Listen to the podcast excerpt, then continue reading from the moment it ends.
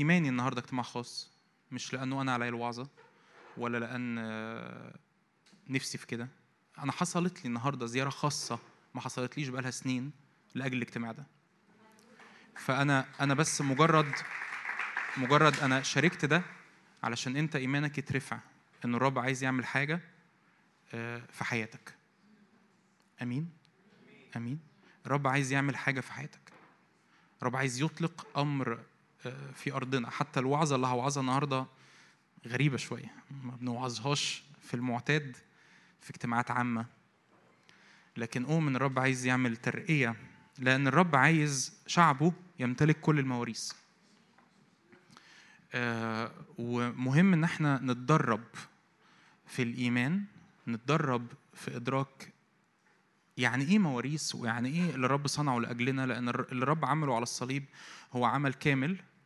هو ملوش نهاية.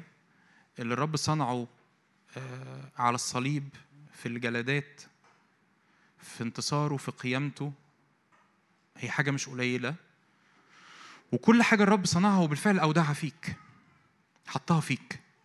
يقول كده آه، الآيات المشهورة آه، الرب يصنع جدا يصنع أكثر جدا مما نطلب أو إيه؟ أو نفتكر. لكن كمالة الآية بحسب القوة التي تعمل فينا.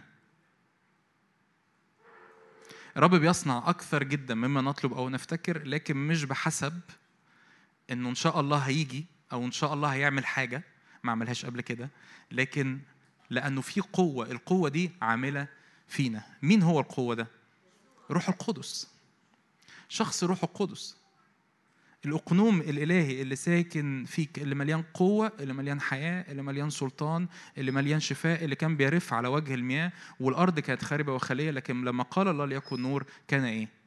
نور روح قدس بالفعل فيك أنت مش بتدور على ربنا من بعيد. وايماني إنه في يعني يمكن مش هحكي عن كل حاجة دلوقتي ال... ال... يعني اللي أنا هقوله ده بس في نقلة ربنا بيعملها في شعبنا آه، آه، نقلة نضوج نقلة ليها علاقة. بإنه القصة إن أنا مش مستني ربنا يعمل حاجة أنا مش مستني خادم يصلي لي أنا فاهم يعني إيه مواريث أنا فاهم يعني إيه الرب دفع كل الثمن لأجلي أنا أنا لا أقبل إني أعيش بمرض طب ولو عييت مفيش مشكلة بس لا أقبل إني أعيش بمرض لا أقبل إني أعيش بقيد لا أقبل إني أعيش بنفسية مكسورة لا أقبل إني أعيش ب ب ب بإنه وإنجاز التعبير الحياة المسيحية الطبيعي بتاعها سواد وضباب و... لا ده مش طبيعي ده مش طبيعي. حتى لو كثيرة هي بلايا الصديق لكن من جميعها ينجيه الايه الرب. حتى لو في مشاكل لو في ضيقات لكن في هذه يا جماعة يعظم انتصارنا بالذي أحبنا. لو حياتك ويمكن هنلمس في ده شوية بقى النهارده لو حياتك الطبيعي من مشكلة لمشكلة ومن ظرف لظرف ومن سواد لسواد لازم تقف وقفه في حاجة غلط. وده ما يحطش دينونة إن في حاجة غلط فيك مش شرط يكون في حاجة غلط فيك. يمكن يكون في حاجة غلط في التعليم المسيحي اللي أنت اتعلمته. يمكن يكون في حاجة غلط أو مفيش حاجة غلط لكن أنا لسه بنضج في الإيمان محتاج أقف وقفه قدام الرب واقول له يا رب إنه إن كان الرب معنا فمن علينا. محتاج أتنقل نقلات وراء الرب انه إنه وأنا هنا مش بتكلم عن prosperity gospel مش بتكلم عن إنجيل الرخاء إن كل حاجة هتبقى زي الفل مش بتكلم على كده. أنا بتكلم إنه حتى لو في ضيقات حتى لو السفينة بتتكسر ببولس لكن مفيش نفس واحدة تفقد. حتى لو بولس فيه تعبان نشف في إيده لكن بولس يطرحه إلى النار. فاهمين قصدي؟ فأنا مش بتكلم ان مش مش هيبقى في مشاكل وكله الدنيا ربيع والجو بديع. no no. حتى لو الدنيا مش ربيع وإيه المشكلة لو الدنيا ربيع؟ هللويا. إيه المشكلة؟ بس حتى لو مش كده في هذه جماعها يعظم إيه؟ انتصارنا بالذي أحبنا. أنا بدخل من من حرب من ظروف من تجربة إلى آخره. أنا بقفز فوق الحياة والعقارب وكل قوات العدو ولا يضرني شيء. أمين؟ فالرب بينقلنا لهذا الإيمان. وتعالوا كده نفتح آيات علشان ما أقعدش أطول. متى 15 22 هو عموما يعني أنتم اللي بيحضر اجتماع السبت أنتم متعودين تطولوا. بس أنا مش هطول زي العادي يعني. عشان عايزين نقضي وقت أكتر في الصلاة.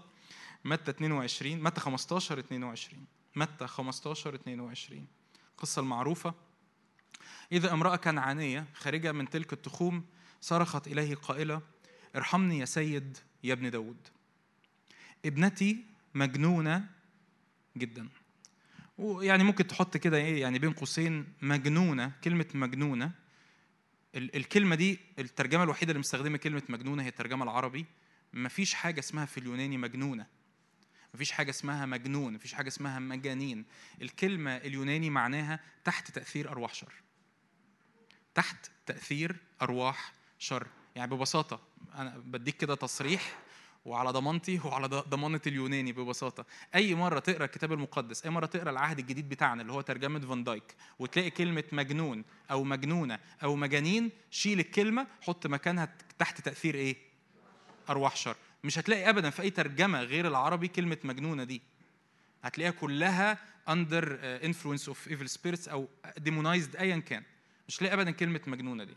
فهي بتقول له ابنتي تحت تأثير أرواح إيه؟ شر. فلم يجبها بكلمة.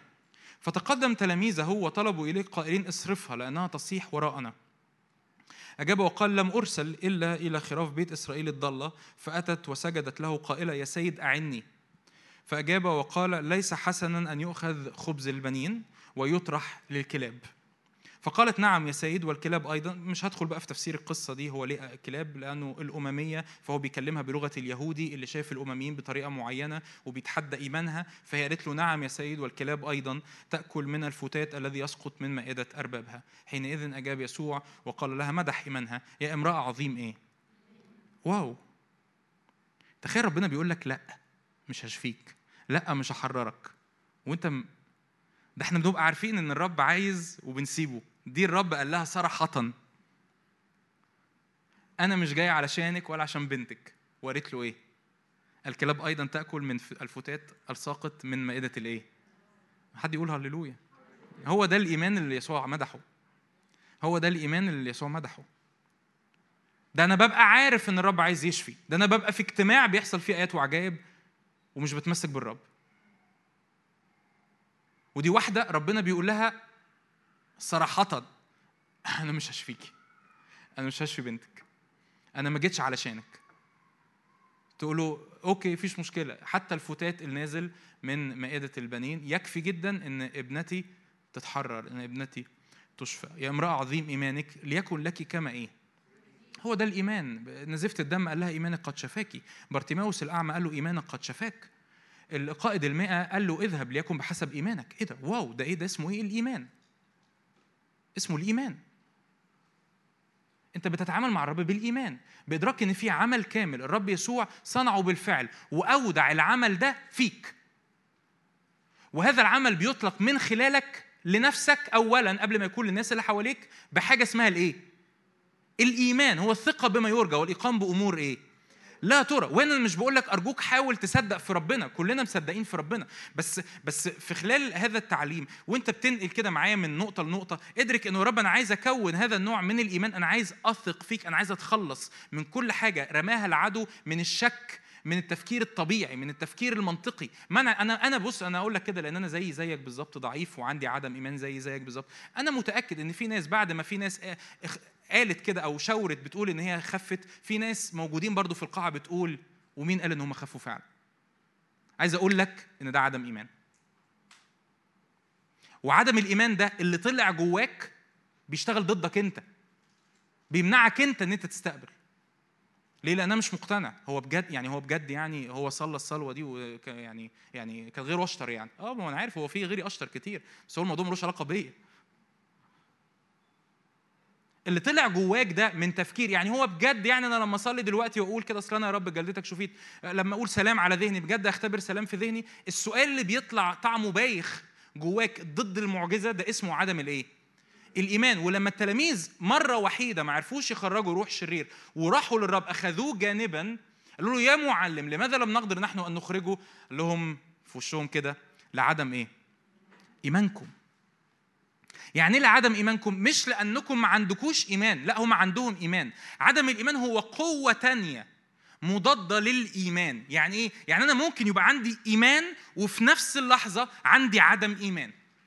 نفس الشخص نفس التلميذ اللي بطرس ويوحنا أخرجوا أرواح شريرة كتير يعقوب أخرج أرواح شريرة كتير نفس التلاميذ اللي عندهم إيمان إن أرواح الشريرة تخرج صارخة باسمك هم نفس التلاميذ اللي لما شافوا الروح الشرير بيعمل إظهارات معينة والولد كان كان بيتمرمخ قدامهم بسبب روح الصرع هم نفس التلاميذ اللي تكون جواهم حاجة اسمها عدم الإيمان. عدم الإيمان مش معنى إن أنا عندي إيمان إن ما عنديش عدم إيمان ومش معنى إن أنا عندي عدم إيمان إن أنا ما عنديش إيمان. أنت ممكن تبقى نفس البني آدم والقوتين شغالين مع بعض في نفس الوقت. فالرب يسوع يقول لهم مش لأن أنتوا ما عندكوش إيمان تقراها كده في أي ترجمة إنجليزي تانية for your unbelief. بسبب الشك اللي دخل جواكم.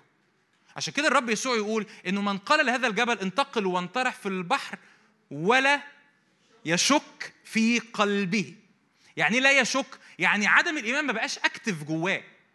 هو رفض كل فرص عدم الإيمان. طب عدم الإيمان ده بيرفضه إزاي؟ يقول كده كمل متى 17 هذا الجنس لا يخرج إلا بالصوم والصلاه أنهي جنس؟ رب يسوع ما كانش بيتكلم عن روح الشرير رب يسوع كان بيتكلم عن عدم الإيمان. نوعية عدم الإيمان اللي اتكونت جوايا بسبب طب وأنا جه منين عدم الإيمان ده جوايا؟ جه بسبب إن أنا مؤمن ابن للرب بحب الرب. كان عندي إيمان في وقت بس حصل إخفاق. حد هنا حصل له إخفاق قبل كده؟ كلنا. توقع ما حصلش. إيمان ما حصلش. كان عندي حاجة أنا مستنيها من الرب ما حصلتش. فكون جوايا فالعدو يستغل الفرصة ويرمي بذار عدم الإيمان فين؟ في قلبي. فيطلع بالرغم من إن إن في حنطة لكن برضه في إيه؟ زوان. بالرغم إن في إيمان لكن برضه في عدم إيمان. طب عدم الإيمان ده أنا محتاج أعمل إيه؟ فيقولوا له كده يا زي يا سيد زد إيماننا زود لي إيماني. فالرب يقول لهم حبايبي أنتوا أنتوا مش محتاجين إيمان زيادة. اللي ليه إيمان مثل حبة الإيه؟ الخردل. أنت مش محتاج إيمان زيادة أنت مش محتاج حنطة زيادة أنت محتاج تنقي الأرض من الزوان. لأن اتكون على مدار سنين وسنين من التعليم المسيحي. من من التعليم غير الكتابي من من من من اختبارات شخصية ومن اختبارات آخرين من الفيسبوك من من من قصص من مشاكل من مشاكل حتى خدام شخصية. آه ده فلان ده اللي كان عنده مسحة مش عارف إيه سقط. ده فلان ده اللي كان بيصلي علشان مش عارف إيه مش عارف مش عارفين راح فين دلوقتي. ده فلان ده اللي كان اللي كان بيصلي لأجل عينيه وبيخفوا هو نفسه مات بمرض. يقول لك ده حتى إليشع مات بالمرض. أوكي ده إليشع عهد قديم. بس اللي أنا أعرفه إن يسوع ما ماتش بمرض. اللي أنا أعرفه إن يسوع كان يشفي جميع المتسلط عليهم إبليس. فبيتكون جوايا عدم إيمان. الرب عايزنا ياخد ياخدنا كلنا في رحلة. مش بتكلم عليكم أنا بتكلم على الك... ده, ده, ده حاجة الرب مثقلني بيها بقالي فترة. شاركت بأبعاد متنوعة في حتت متنوعة النهارده شارك ببعد تاني. لأن الرب عايز ينقينا من عدم الإيمان ده. رب رب رب عايز يبقى العادي. إن أنا لو عندي مرض أخف مش الم... إيه ده؟ يا هللويا ده خف هو هللويا أيوه بس ده طبيعي. هللويا أنا كنت منزعج وقلبي مليان سلام. هو هو هللويا بس ده طبيعي. اللي مش طبيعي هو العكس. اللي مش طبيعي في المسيح هو العكس. اللي مش طبيعي في المسيح إني أفضل مكمل زي ما أنا. اللي مش طبيعي في المسيح إني مكمل بأحمال ومكمل بأثقال ومكمل بأتعاب ومكمل بأمراض ومفيش حاجة بتحصل. ده مش طبيعي. ولو انت من الأشخاص دول حاسس إن في حاجة مش طبيعية لا تقبل. حتى لو الحالة دي بقى لها سنين. ما تتصالحش مع الفكرة دي.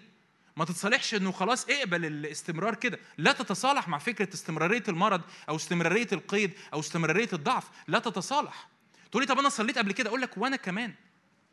وطلع جوايا عدم إيمان. أقول لك وأنا كمان. بس هذا الجنس لا يخرج إلا بص يعني إيه بالصوم والصلاة؟ يعني قاعدة جادة قدام الرب يمكن يومين ثلاثة يمكن شهر ايا كان بس قاعدة جادة قدام الرب وقدام الكلمة. بقول رب جدد ذهني لأني عايز أتخلص من من من الطبقة البلاستيك السخيفة اللي بتتحط على طبقة عزله كده سخيفة بتتحط على إيماني بتمنعني من الامتلاك. عارفين بعد شوية أدلة من عدم الإيمان. أصلي أقول له أقول له يا رب أجي أشارك حد من إخواتي ولا بصلي بصوت عالي ولا ولا حتى بصلي في أوضتي. أقول له يا رب أشكرك لأنك تملأ كل احتياج بحسب غناك في المجد. يطلع جوايا صوت واحد كده بايخ دمه تقيل. يقول لي طب وافرض ما حصلش. عارفينه ده؟ عارفين الصوت ده؟ سمعتنا ده عدم الإيمان. يا رب أشكرك لأني بجلدتك شفيت. واحد كده دمه بايخ يط... ده أنا يعني ده أفكاري. مش واحد جنبي دي أفكاري تطلع كده في دماغي في دماغي. طب وافرض ما حصلش. الصوت ده لازم يسكت.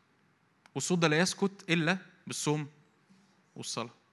يعني إيه صوم وصلاة؟ يعني قاعدة جادة قدام الرب قدام كلمته فيها عبادة فيها أنا بتغير لتلك الصورة عينيها فيها أنا مش بيملى عينيا إلا مشهد الكلمة والحق الكتابي واللي يسوع عمله لأجلي. يمكن النهارده مش هتكلم عن كل حاجة يسوع عملها لأجلنا بس النهارده هنتكلم هتكلم عن حاجة خاصة ما بنتكلمش عنها كتير.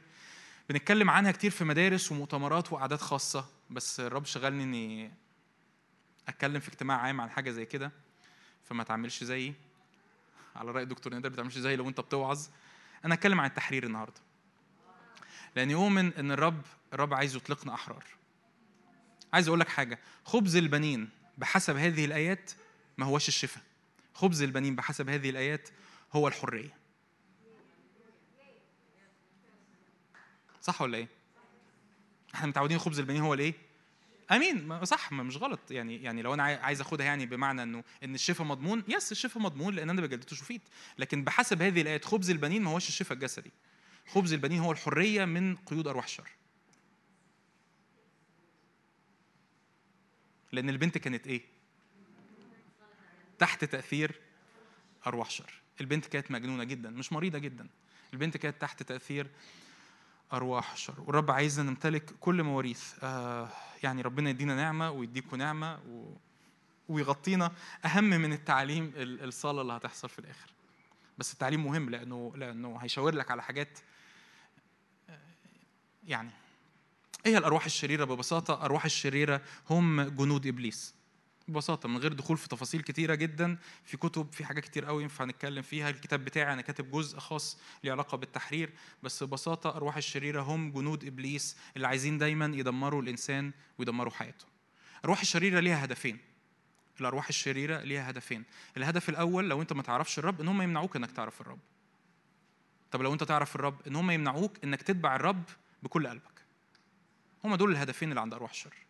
لو أنت ما تعرفش الرب أنا جربت اني إني أكون بصلي مع حد ما يعرفش الرب وعليه روح شرير. الشخص ما يقدرش حتى يصلي صلاة الخلاص. كل ما يجي يصلي صلاة الخلاص أو الصلاه إنه يقبل الرب يسوع ما بيعرفش يكملها. بيحصل حاجة ما بيعرفش يكملها. ليه؟ لأن الروح الشرير اللي بيقيد هذا الشخص بيمنعه إنه يقبل الرب يسوع. ولو أنت قبلت الرب يسوع زي أغلب الحاضرين أعتقد ما عرفوش كلكم بس زي أغلب الحاضرين فالروح الشرير هيعمل كل حاجة يمنعك إنك تتبع الرب بقلب كامل. فده يدخلني في النقطة اللي بعدها. طب هو معنى كده إن أرواح الشر ممكن تعمل تأثير على مؤمنين؟ الإجابة نعم نعم نعم. ثلاثة نعم. الإجابة ثلاثة نعم. يعني إيه بقى؟ الحتة دي فيها يعني مفيش حاجة هطول فيها لأنه التعليم موجود على الإنترنت وعندي وعظات كتير وعندي تعليم كتير ممكن أي حد عايزه ابعته له بس أنا عايز أنشن على حاجات معينة. ببساطة قصة إن واحد ملبوس أو الروح الشرير ساكن جواه أو الروح الشرير فيه أو واحد ملبوس واحد مش ملبوس هي قصة ما هياش قوي كده. القصة ليها أبعاد مختلفة. لكن ببساطة المؤمن الروح الشرير ما يقدرش يقترب من روحه. ابن الرب بنت الرب الروح الشرير ما يقدرش يقترب من فين؟ من روحه. ليه؟ لأنه المولود من الله ملتصق بالروح القدس. يقول كده إذا أمنتم ختمتم بروح الموعد القدوس. فالروح القدس بيجي بيعمل سور من نار على روحك الإنسانية. فالروح الشرير ما يقدرش يسكن في روح شخص مؤمن. لكن يقدر يأثر على نفسيته أو يقدر يأثر على جسده. منطقية. يعني تقول لي تقول لي هو روح شرير يقدر يأثر على نفسيتي؟ لا دي جديدة عليا. أقول لك ليه؟ عمرك ما ما اتحاربت بأفكار تفشيل. طب وأفكار التفشيل دي جاية منين؟ هتقول لي من إبليس؟ أقول لك لا يعني تعالى ناخد الكلام بشكل تقني شوية. يعني هو إبليس اللي هو لوسيفر اللي هو إبليس لوحده ساب الدنيا كلها وجه يحاربك أنت؟ ما أعتقدش. أمال مين اللي بيحاربني في اللحظة دي؟ روح شرير. ده اللي الرسول بولس يقوله لتيموثاوس لأن الله لم يعطينا روح الإيه؟ الفشل. إيه روح الفشل؟ ده روح شرير اسمه روح الفشل. طب روح الشرير ده مين بعته؟ إبليس أكيد اللي بعته لكن ببساطة ما هوش إبليس نفسه يعني يعني ما هوش مستر سيتن يعني ما هوش الأستاذ إبليس. فاهمين اقصد إيه؟ إحنا بنقول الشيطان بيحاربني صح ما هو الشيطان بيحاربني. لكن تلاقي في ايات في آيات في لقا 8 مثلا لقا 8 يقول إن إن الأرواح الشريرة كانت بتخليه يعمل حاجات معينة وكان بيذهب حيثما يقتاد الشيطان. هو الشيطان ولا الروح الشرير؟ ما هو الروح أرواح الشر دي هي جنود مين؟ إبليس. فكأني بالظبط زي ما بقول الجندي مجند فلان الفلاني أو أقول جيش مصر. هو في الآخر الجندي ده جوه الجيش. فده جيش فالجندي ده يمثل مين؟ الجيش كله. فروح الشرير بيمثل إبليس. فببساطة فكرة إن أنا مؤمن وأتحارب بأرواح شر آه ما إحنا معترفين إن إحنا بنتحارب بأرواح شر. أعطيهم جمالا بدل الرماد. دهن فرح عوضا عن نوح. رداء تسبيح عوضا عن الروح اليائسة. إيه الروح اليائسة دي؟ الروح اليائسة ده روح يأس. روح شرير مرتبط باليأس. يجي جنبك كده يملاك بأفكار يأس. يجي على ذهنك يملاك بأفكار يأس. تشويش كذب زنا روح الغي بحسب العهد القديم. روح الزنا روح النجاسة دي إيه دي كلها قيود من أرواح شر. بتختلف الدرجات بتاعت القيود دي ده هنيجي ليه. بس لازم نفهمه الأول إن هو أنا ينفع أبقى مؤمن ومحتاج إني أصلي ضد أرواح شر؟ أيوه. الحقيقة أنا عايز أقول لك حاجة. بالرغم إن أنت مؤمن ولأنك في حاجات معينة ما صليتش ضد أرواح الشر أنت لسه في قيود في حياتك. وعشان كده الرب عايز يعمل هذا الاجتماع النهارده. ليه؟ علشان لا يكون عاثر في وسطنا. عشان تخرج حر. ما قلتوش آمين. عشان تخرج حر. عشان تخرج حر عشان تخرج ال ال الانزعاج ال ال ال العذاب إحساس إن أنا معذب إحساس إن أنا معذب في أفكاري معذب في جسدي معذب بتفشيل معذب بخيالات معذب بنجاسة معذب بقيد معذب بإحساس خوف معذب وتقول لي دي مش أفكاري ده مش أنا. أو ممكن تكون اتعودت لسنين بسبب إن دي حاجة ماشية في العيلة فأنت اتعودت لسنين لفكرة إن أنا طول الوقت إحنا في العيلة على طول كلنا غضبانين. كلنا متشوشين كلنا خايفين. ماما كانت تيتا كانت بتخاف أنا بخاف وماما بتخاف وأنا بخاف. آه، تيتا كانت بتكذب وماما بتكذب وأنا بكذب. آه، آه، بابا كان بيزعق طول الوقت جده كان بيزعق طول الوقت وأنا بزعق طول الوقت. ده ممكن يبقى قيد. أكيد الحرية ليها أبعاد نفسية وليها أبعاد في السلوك بس ده مش هتكلم عليه النهارده. لكن برضو الحرية ليها أبعاد روحية محتاج أفهم. ورب مش عايزك تكمل بالانزعاج. فبالرغم إن أنت مؤمن بالرغم إن أنت ابن للرب أيوه الرسول يوحنا يقول كده كل من ولد من الله لا يخطئ. بل المولود من الله يحفظ نفسه والشرير إيه؟ هتقولي ما هو بيقول الشرير لا يمسه؟ أقول لك آه بيقول الشرير لا يمسه لكن مشروطة أن المولود من الله يحفظ نفسه. يعني إيه؟ ثغراته متقفلة. ثغراته متقفلة. لو في شر لو في خطية بيتوب عنها بسرعة بيعلن حماية الدم بيعلن غطاء نار الروح القدس. ما بيفضلش مبرطع في خطية أو عدم غفران أو مرارة أو شكاية أو نميمة أو سلوك معين ضد الكلمة ضد الحق سلوك مليان أعمال جسد. فالمولود من الله يحفظ إيه؟ لا يخطئ ويحفظ نفسه فالنتيجة الشرير لا إيه؟ لا يمسه. لكن عندنا عندنا صورة تانية كتابية حنانيا وسفيرة. حنانيا وسفيرة ما أعرفش إذا كان كل الشراح ولا لأ بس كل الشراح اللي أنا على الأقل قريت لهم بيتفقوا إن حنانيا وسفيرة مؤمنين. لكن يقول كده بطرس في أعمال خمسة عدد ثلاثة يقول كده لحنانيا يا حنانيا لماذا ملأ الشيطان قلبك لتكذب على الروح القدس؟ الله هو إزاي إزاي الشيطان ملأ قلب واحد مؤمن؟ لأنه حنانيا إدى مساحة للشيطان. هو ده اللي الرسول بولس يقوله في إفسس ولا تعطوا إبليس إيه؟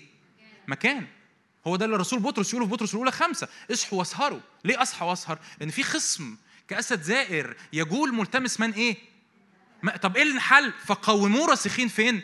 في الإيمان أنا لازم أقف في ضده لازم أقف في وشه ما ادلوش مساحة في حياتي ايا كان المقاومة ممكن تكون أول صورة من صور المقاومة إن أنت عايش في قداسة أول صورة من صور المقاومة ان انت بتسمحش لأعمال الجسد تزداد في حياتك. إنك بتسلك بحسب ثمر الروح. أول صورة من صور المقاومة إن, إن إنك عايش في سلام. إنك ما بتديش مساحة للطمع وللشهوة وللنجاسة وللزنا وللخطايا وبعدين تقول يا ريت اللي جرى مكان. أمين؟ فببساطة هل هل الأرواح الشر ممكن تأثر على المؤمنين؟ أيوه. ما تقدرش تلمس روحك لأن روحك محمية بنار الروح القدس لكن ممكن تعمل أذى في نفسيتك أو أذى في جسدك. إيه إيه الدرجات يعني؟ إلى أي درجة أرواح الشر ممكن تعمل تأثيرات في حياتي؟ أول درجة ببساطة إنه إنه إنه يحصل هجمة على أفكارك ومشاعرك. ودي كلنا اختبرناها صح ولا إيه؟ أعتقد كده. يحصل هجمة على أفكارك ومشاعرك. أنا خايف اليومين دول. أنا قلقان اليومين دول. أنا أنا مضطرب. أنا بقالي يومين ثلاثة أحلامي مزعجة. أنا بقالي يومين ثلاثة مش عارف أنام. حاسس بتشويش في البيت. آه، بيحصل. طب إيه يعني أتعامل معاه إزاي؟ ببساطة بسلطان في اسم الرب يسوع. أنا ب... أنا هتكلم أكتر عن الحرية قدام. بس بس دي أول درجة ودي أخف درجة. إنه في اسم يسوع أنا برفض التشويش. أنا برفض الحزن. أنا برفض الاكتئاب. بس ممكن الأفكار يتقال كده مثل إنجليزي معروف لا تستطيع أن تمنع الطير إنه يطير فوق راسك لكن تستطيع أن تمنعه إنه يبني إيه؟ عش على دماغ برافو إيه كلكم إنجليز. لكن تقدر تمنعه إنه يبني إيه؟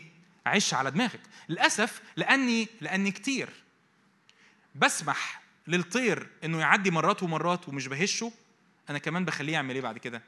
يبني عش.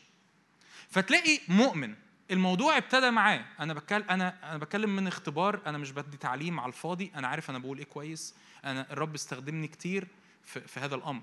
فأنا مش بتكلم على الفاضي. تلاقي مؤمن عايش بقاله فترة آه، كويس بيحب الرب بعد شوية شوية بعد عن خلوته شوية شوية بعد عن الاجتماعات آه، آه، كان بيترمي من حين لآخر كده أفكار فشل. ففشل. يعني مين هنا ما تفشلش قبل كده؟ كلنا. كلنا. حتى تيموثاوس اتفشل. أفكار فشل. فيش م... بولس نفسه يقول في كورنثوس الثانية إحنا أيسنا من الحياة يئست من الحياة فيش مشكلة. بس ما بس بس ما هشش الطير. لا الطير كل شوية بيجيب حتة قش يعني إنجاز التعبير وبيبني العش إيه بشويش ما هو أروح شرب تعمل كده حتة حتة. مرة واحدة تقابله بعد شهرين القصة ما بقتش فكرتين ثلاثة فشل والموضوع بيعدي. القصة إن هو بقى متفشل. هو بقى حزين. هو بقى ما بيخرجش من البيت. هو ساب الخدمة. هو بعد عن الرب. القصة ما بقتش ممارسة معينة أو سلوك معين بعمله من حين لآخر لما ببقى مع الشلة. القصة تحولت إلى إدمان. فأول درجة إنه مجرد يكون أفكار مشاعر عابرة بتعدي ينفع ترفضها بسهولة. الدبانة شش. عارفين سوري مشهد يعني أوقات بيضايقني. لما لما تلاقي طفل في الشارع وتلاقي الدبان ملموم حوالين وشه هو هو كده. تخيل تخيل المشهد ده. في واحد زي حضراتكم نظيف بيستحمى ريحته حلوة فلو الدبانة جت عليه هيعمل إيه؟ وفي واحد تاني ما اتعلمش إنه يهش الدبان. فالدبان لأن هو قاعد في حتة كمان جاذبة للدبان. فده النقطة الثانية إن افكار الأفكار والمشاعر دي بقت مستمرة. بقت إيه؟ مستمرة. ده ده ده اللي هو أنا أول امبارح كنت حزين ورحت الاجتماع فرحت وأعلنت فرح الرب وسلام الرب والموضوع خلص. لا هو أنا بقيت حزين. أنا بقيت مكتئب. أنا بقيت متفشل. أنا بقيت مش عايز أخدم مش عايز أكمل مع الرب. أنا ببعد عن الرب. وده الرسول بول أو كاتب رسالة العبرانيين بيقولوا بيقولوا إنه إنه إنه الخطية بتعمل قساوة. لكي لا يقص أحد منكم بغرور الإيه؟ الخطية الاستمرار في الخطية بيفتح أبواب لإبليس. ثالث ثالث ثالث حاجة ممكن أرواح شر تعملها أو ثالث درجة يعني كل واحدة أعمق من اللي قبلها. فأول ما أول عمق أو أول حاجة سهلة أفكار ومشاعر عابرة بتطردها. تاني حاجة لا دي أفكار ومشاعر بقت مستمرة. دي محتاج تعمل إيه؟ دي محتاج تحرير. وتحرير زي ما هنشوف كمان شوية مش معنى كده إنك تروح لخادم عشان يصلي لك. والفكرة في إيه خدمة التحرير؟ الفكرة إن خدمة التحرير تم التصدير ليها بصورة معينة لدرجة إن هي ما بقتش محبوبة في الكنيسة. متفقين معايا في اللي أنا بقوله ده؟ تم تصدير خدمة التحرير بصورة معينة لدرجة مخ... بقت حاجة تكسف يعني. يعني أنا أقول إن أنا مؤمن ومحتاج تحرير لأ دي حاجة تكسف يعني. عيب. أو الخدام اللي بيصلوا تحرير دول ناس معينين في حتت معينة. أنا عايز أقول لك الوقت اللي جاي في الصلاة أنت هتصلي لنفسك وأنت اللي هتختبر حرية باسم يسوع لنفسك. لو في حاجة محتاجة مساعدتي تعالى لي بعد الاجتماع. لكن غير كده الطبيعي الطبيعي اللي بنعمله في اجتماعات كتير جدا الطبيعي اللي بنعمله في حتت كتيرة جدا إن الناس بتختبر حرية بتختبر حرية من حاجات حقيقية من من من قيود اكتئاب من قيود نجاسة من قيود عادة سرية من قيود بورنوجرافي من قيود إدمانات من قيود أحزان. بتصلي لوحدها وهي في الاجتماع وبتختبر حرية من غير ما خادم يصلي لها. لأن يسوع هو هو امس واليوم والى الإيه؟ الأبد موجود وسطينا بالروح القدس والروح القدس اللي فيا والروح القدس اللي فيك أمين حرية من أفكار انتحار فتالت حاجة تالت عمق إن إن إن يبتدي الأمر اللي تحول إلى فكرة والفكرة دي مستمرة بقى أعمل لي إعاقة في السلوك العملي. فأنا ما بقيتش أروح الشغل. ما بقيتش أنزل الاجتماع. أنا بقيت عصبي طول الوقت، بقيت بزعق في البيت طول الوقت. رابع عمق وآخر عمق إعاقة كاملة للحياة. ده اللي ممكن يأتي عليه الوصف بتاع ابنة الكنعانية ابنتي مجنونة إيه؟ جدا. دي يعني ما ينفعش آخد البنت دي وأتفسح بيها في الشارع ما ينفعش لأن هي في أي لحظة هتعمل حاجة آه، مش محسوبة ومش مفهومة وما أعرفش هيهجم إمتى روح الشرير آخر الثلاثه دول يحتاجوا إلى تحرير سواء الأفكار دي بقت مستمرة أو سلوك بقى مستمر طول الوقت أنا بقيت أعمله بسبب القيد أو إنه حياتي بقى حصل فيها إعاقة كاملة. أنا محتاج تحرير. إيه الأضرار اللي ممكن تسببها أرواح الشر؟ وهنا أنا عايز عايزك تنتبه شوية. ليه؟ لأنه ببساطة ال ال ال الاجتماع ده أو التعليم ده أنا ممكن أقدمه لناس هيخدموا لناس تانية وممكن أقدمه برضو لناس هم عايزين شخصيا يختبروا الحرية في حياتهم. فانتبه للي أنا هقوله ده. ليه؟ لأن اللي أنا هقوله ده دي شوية أعراض. الأعراض دي بتديني إشارة مش تأكيد لكن إشارة إن يكونش أنا محتاج تحرير. فاهمين قصدي؟ أنا بقول دايما هذا التعبير بقول زي إشارة المرور يعني أو زي اللمض اللي هي بتاعت الالرت كده يعني الأنوار كده. في أخضر وأصفر وأحمر. أحمر ده معناه إن في روح شرير 100% الحاجات دي ما هياش لمبة حمراء بس هي لمبة صفراء. يعني إيه لمبة صفراء؟ يعني تخليني أتساءل تخليني آخد الموضوع بجدية قدام الرب. يعني إيه؟ يعني أنا مثلا ممكن أقول لك إنه أول واحدة مثلا أول واحدة في أنا هقول يعني مش سيبك من أول واحدة بس هقول مثلا في صراعات وأصوات في النفس. صراعات وأصوات في النفس حاجات كده بسميها السيلف توك الحاجات اللي أنت أفكارك الداخلية عن نفسك. هتقول لي طب ما هي دي زيها ممكن يكون في شخص مريض نفسي. أقول لك صح. فعشان كده مش معنى اللي أنا بقوله ده إنه أكيد في روح شرير. لكن معنى كده إن في عرض العرض ده محتاج أحطه قدام ربنا وأقول يا رب هو في حاجة غلط ولا مفيش في دبان دخل وأنا مش واخد بالي ولا مفيش فاهمين أقصد إيه؟ فاهمين كويس؟ okay. فالأعراض دي لما تقراها ده لنفسك مش لحد تاني. ما تحط ما تعملش reflection على حد قاعد جنبك ولا حد في البيت ولا قصة مش كده. القصة ببساطة إنه بتمتحن الأمر ده قدام الرب بقيادة الروح القدس لأن أنا محتاج حرية. لأن ممكن أكون أنا محتاج حرية. إيه أنواع التأثيرات اللي أرواح الشر ممكن تعملها؟ أول حاجة إنه ممكن تعمل تأثير على مستوى الجسد. يعني إيه على مستوى الجسد؟ يحصل إنه يكون عندي آلام أو أمراض جسدية أو حالة إعياء جسدية مستمرة وملهاش تفسير طبي. أمراض أو آلام في جسدي أو حالة إعياء. أنا تعبان طول الوقت ومفيش حاجة طبية. ممكن تبقى شاب زي الفل عندك 20 سنة عندك 25 سنة وتعبان طول الوقت. عندك شابة صغيرة جميلة وعايزة تنامي طول الوقت تعبانة طول الوقت مجهد طول الوقت. ده انديكيشن دي حاجة تخليني أنتبه انه يكونش أنا محتاج يكونش في حاجة اسمها روح مرض مرمي عليا وأنا محتاج انتهر وأرفضه؟ يكونش ده روح شرير عامل تقل عامل قيد على جسدي وأنا محتاج أرفضه ففي صراع أو سوري في ألام أو أمراض جسدية أو حالة إعياء جسدية مستمرة من غير تفسير طبي. يعني من غير تفسير إيه؟ حاجة دي ملهاش تفسير طبي. يقول كده الرب عن عن المرأة المنحنية هذه هي ابنة إبراهيم قد ربطها مين؟ الشيطان برافو عليكم لمدة 18 سنة.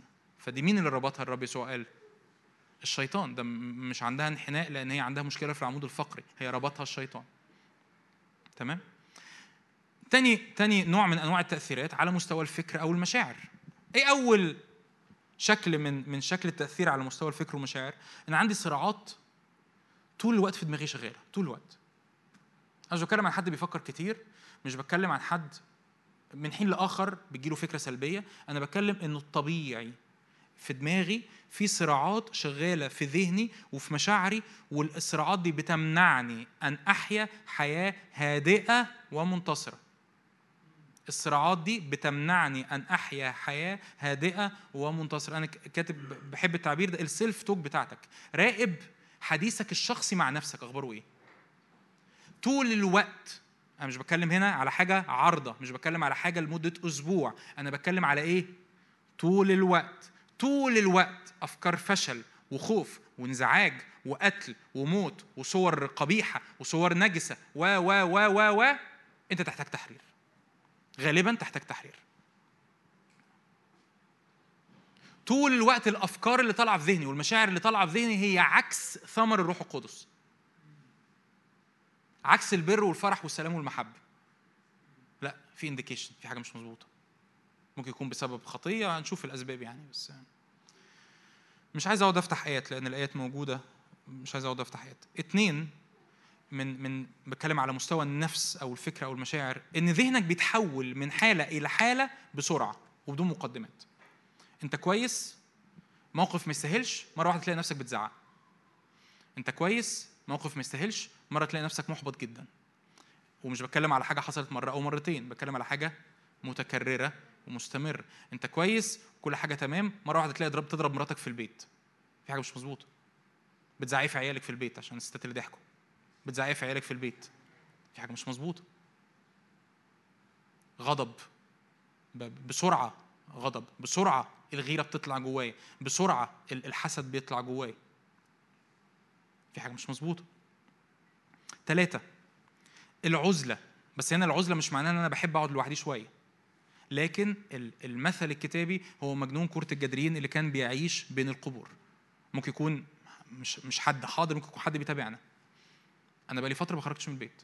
لو أنت تعرف حد كده أخ أخت زوج زوجة أب في ناس بيقعدوا بالشهرين في الأوضة ما بيخرجوش. ده مش طبيعي. ممكن يبقى مرض نفسي؟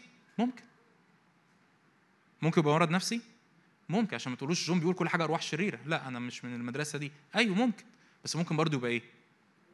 روح شرير. ممكن يبقى قيد. محتاج حرية. تمام؟ فالعزلة وخصوصا من العيلة. ليه خصوصا من العيلة؟ لأن دول الناس الطبيعي إن هو يعيش وسطهم أربعة وأخيرا الجنون ممكن توصل الضغط على النفس والأفكار والمشاعر إلى الجنون والأمراض العقلية. الجنون والأمراض العقلية. طيب تأثيرات على مستوى السلوك. إن ممكن يبتدي يطلع مني سلوكيات مش عارف أسيطر عليها. أنا ليه بقول الكلام ده؟ أنا بقول الكلام ده علشان لو أي حاجة من دول لمست معاك تصلي معايا بعد الاجتماع وتختبر حرية كاملة. أمين؟ أنا مش بقول كده عشان أقول لك قد إيه إبليس وحش وقد إيه no عشان تصلي معايا في آخر الاجتماع. لو في أي حاجة من دول ملمسة معاك تستقبل حريه كاملة من الرب. أمين؟ ممكن يبقى مرجعية ليك بعد كده هذا التعليم تستخدمه في الخدمة. ممكن يبقى مرجعية ليك لحد تحس إن هو معذب بقى له فتره وهذا التعليم أنا عندي تعليم على ال SoundCloud وبقول الكلام ده لمجد الرب فقط. ناس كتير جدا سمعوا مش عارف مش عارف عددهم كام حقيقي. ناس كتير جدا سمعوا هذا التعليم وتحرروا وهم بيسمعوا ال SoundCloud. بس فقط. ما كانوش حاضرين في اجتماع أنا ما صليت لهمش بقول لهم كده اسمعوا التعليم واحضروا الصلاة اللي بعد الاجتماع. والناس بتتحرر وهم بيسمعوا التعليم على الإنترنت. ملهاش علاقة بخادم ملهاش علاقة بوضع يد ملهاش علاقة بأي حاجة. ليها علاقة بإن يسوع هو هو السلطان اللي يسوع دفعه للكنيسة حقيقي. في حاجة اسمها أرواح شر؟ أيوه مش محتاج أثبتها لك. مصارعاتنا ليست مع دم ولحم آمين؟ طيب. على مستوى السلوك سلوكيات ما بقتش أقدر أسيطر عليها. أنا في الأول كنت عارفين الشاب الحلو ده اللي يقول لك أنا أقدر أبطل أي حاجة في أي وقت؟ هو ده بقى اللي بقى اللي اديله شهرين ثلاثة ومش عارف يبطل اللي هو ابتداه. سلوكيات لا يمكن السيطرة عليها. أي إدمانات أي إدمانات بيدخل فيها ارواح شر. لا أنت بتبالغ. لا أنا مش ببالغ. أنا هقولها تاني يمكن يمكن تكون فاكر إن الكلمة إيه؟ يعني طلعت مني أي إدمانات بيدخل فيها قيود من أرواح شر. يعني أنا مقيد بعادة سرية مقيد ببورنوجرافي مشاهدة مواد اباحيه مقيد بأمور ليها علاقة بكحوليات سجاير مخدرات ايا كان. مقيد بنوعية أفلام في النهارده نوعيات إدمانات جديدة. أفلام معينة games معينة games على الموبايل. games معينة أفلام معينة ومش عارف أبطلها. بتقول لي إن ده روح شرير. أقول لك الموضوع بيبتدي في الأول بمزاجك. لكن بعد ما الموضوع بيبتدي بمزاجك بتدي مساحة لأرواح شر مرتبطة بالسلوك ده بتيجي تربطك. فاللي أنت كنت عارف توقفه في وقت ما بتبقاش عارف توقفه. طب أنا محتاج أعمل إيه؟ محتاج تعمل حاجتين. تنتهر الروح الشرير وترفض وجوده في حياتك وتبتدي تغير سلوكك العملي. دايما بشبهها هذا التشبيه. يمكن يكون البعض سمع مني هذا التشبيه. دايما بشبه الشخص اللي عنده إدمان ده زي جسمك ده زي الحصان. جسمك ده زي الإيه؟ بس أنت مش قاعد عليه. في واحد تاني هو اللي بيمتطي الحصان هو اللي ماسك اللجام وبيتحكم فيه. الحرية إن أنا أتحكم في جسمي جسمي بيخليني أعمل حاجات غريبة. بزعق بشتم بفتح مواقع بمارس حاجات معينة بشرب حاجات مش المفروض أشربها باكل كتير من غير لازمة ايا كان. جسمي ده محتاج محتاج أحرره. التحرير محتاج خطوتين. أول خطوة إن الروح الشرير اللي ماسك اللجام بتاع الحصان بتاعي أرميه من على الحصان. دي أول خطوة. تاني خطوة محتاج أعمل إيه؟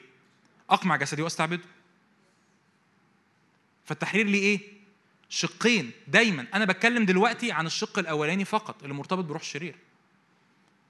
فالقصة إن إحنا بقى أوقات تانية بنعمل إيه؟ بنحاول نصلب الجسد.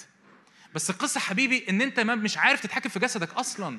أنت مش ان كنترول انت مش تحت سيطرة جسد جسدك مش تحت سيطرتك. ليه؟ لأن انت سمحت لواحد تاني يجي ويعمل إيه في جسدك؟ ويسيطر عليه. أنا سمحت لروح شرير مرتبط بإدمان معين بسلوك معين بقى مسيطر على جسمي في الحتة دي. فأنا كل ما بحاول اصلب الجسد الروح الشرير يروح منزل لي الجسد من على الصليب.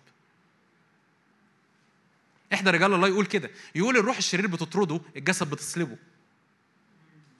ما ينفعش تصلب الروح الشرير وما ينفعش تطرد الجسد. يعني إيه؟ يعني في مسيرك في الحرية أنت محتاج تتعامل بحكمة مع كل جزء. لو روح شرير هتطرده. طب لو الجسد أنت مش بتنتهر جسدك. أنت بتعمل إيه في جسدك؟ بتصلبه. يعني بتصلبه بتحكم فيه. تقول له نو. تقول له لا. مش هتفضل تعيش بهذه الطفولية تاني. فالنهاردة ممكن بعد الاجتماع تصلي ضد ضد أرواح نجاسة. أمين. تقول لي روحت البيت الفكرة جات لي. هتعمل إيه؟ اصلب جسدك. و... طب طب أعرف منين إن في حاجة حصلت حقيقية؟ إن اختيارك للسلوك في القداسة بقى أسهل. في الأول ما كنتش تقدر تختار تسلك في القداسة. أنت في حاجة دافعة جواك لسلوك إدماني ايا كان إيه هو السلوك ده؟ غصب عنك مش قادر تتحكم. يعني أنا مش عارف أقول لك إيه يعني مش مش عايز يعني يعني ده, ده, ده كلام كتير مننا بيقوله. أنا ما بقتش عارف أنا أنا بقول كده غصب عني. أنا بقيت كلام يطلع من بقي. أنا بقيت أزعق وأنا مش دريان. أنا بقيت أغضب وأنا مش واخد بالي إيه اللي بيحصل. أنا بقيت أعمل الحاجة المعينة دي وأنا مش واخد بالي. وكأني مش في وعي. كل التعبيرات دي معناها إن حقيقي فعلا في حاجة بتبقى واخدة سيطرة على ذهنك في اللحظة دي ما هياش أنت. ده ده إيه ده اللي واخد سيطرة على ذهنك؟ ده روح شرير. روح شرير محتاج أعمل إيه؟ أطرده. والجسد محتاج أصلبه. هتقعد تحاول تصلب الروح الشرير من هنا للسنة الجاية مش هيصلب. روح الشرير هيتنطط وهينزل من على الصليب. روح الشرير بتطرده بترفض السيادة بتاعته بترفض سيطرته. فأي سلوكيات لا يمكن السيطرة عليها. اتنين ده تحت المست... على مستوى السلوك إن ممكن يبتدي الشخص يأذي نفسه أو يأذي الآخرين. محاولات الانتحار. أتمنى ما يكونش في حد في وسطينا كده ولو في حد في وسطينا كده تصلي معايا وتصدق معايا في نهاية الوقت إنه حرية كاملة في اسم يسوع. محاولات الانتحار محاولات أعرف شخص حقيقي حاول ينتحر كذا كذا مرة مرات متعددة والشخص ده النهارده حر بالكامل. فانك في سكة آه في سكة روحية بتحصل وفي سكة نفسية كمان بتحصل. لكن عايز أقول لك ما ينفعش نتجاهل السكة الروحية. لا ده اسمه روح موت. الرغبة في الحياة هي الرغبة الطبيعية اللي الرب خلقها فينا. صح ولا إيه؟ غريزة البقاء الموجودة حتى في في الحيوانات. الرغبة في الموت هي رغبة غير إنسانية.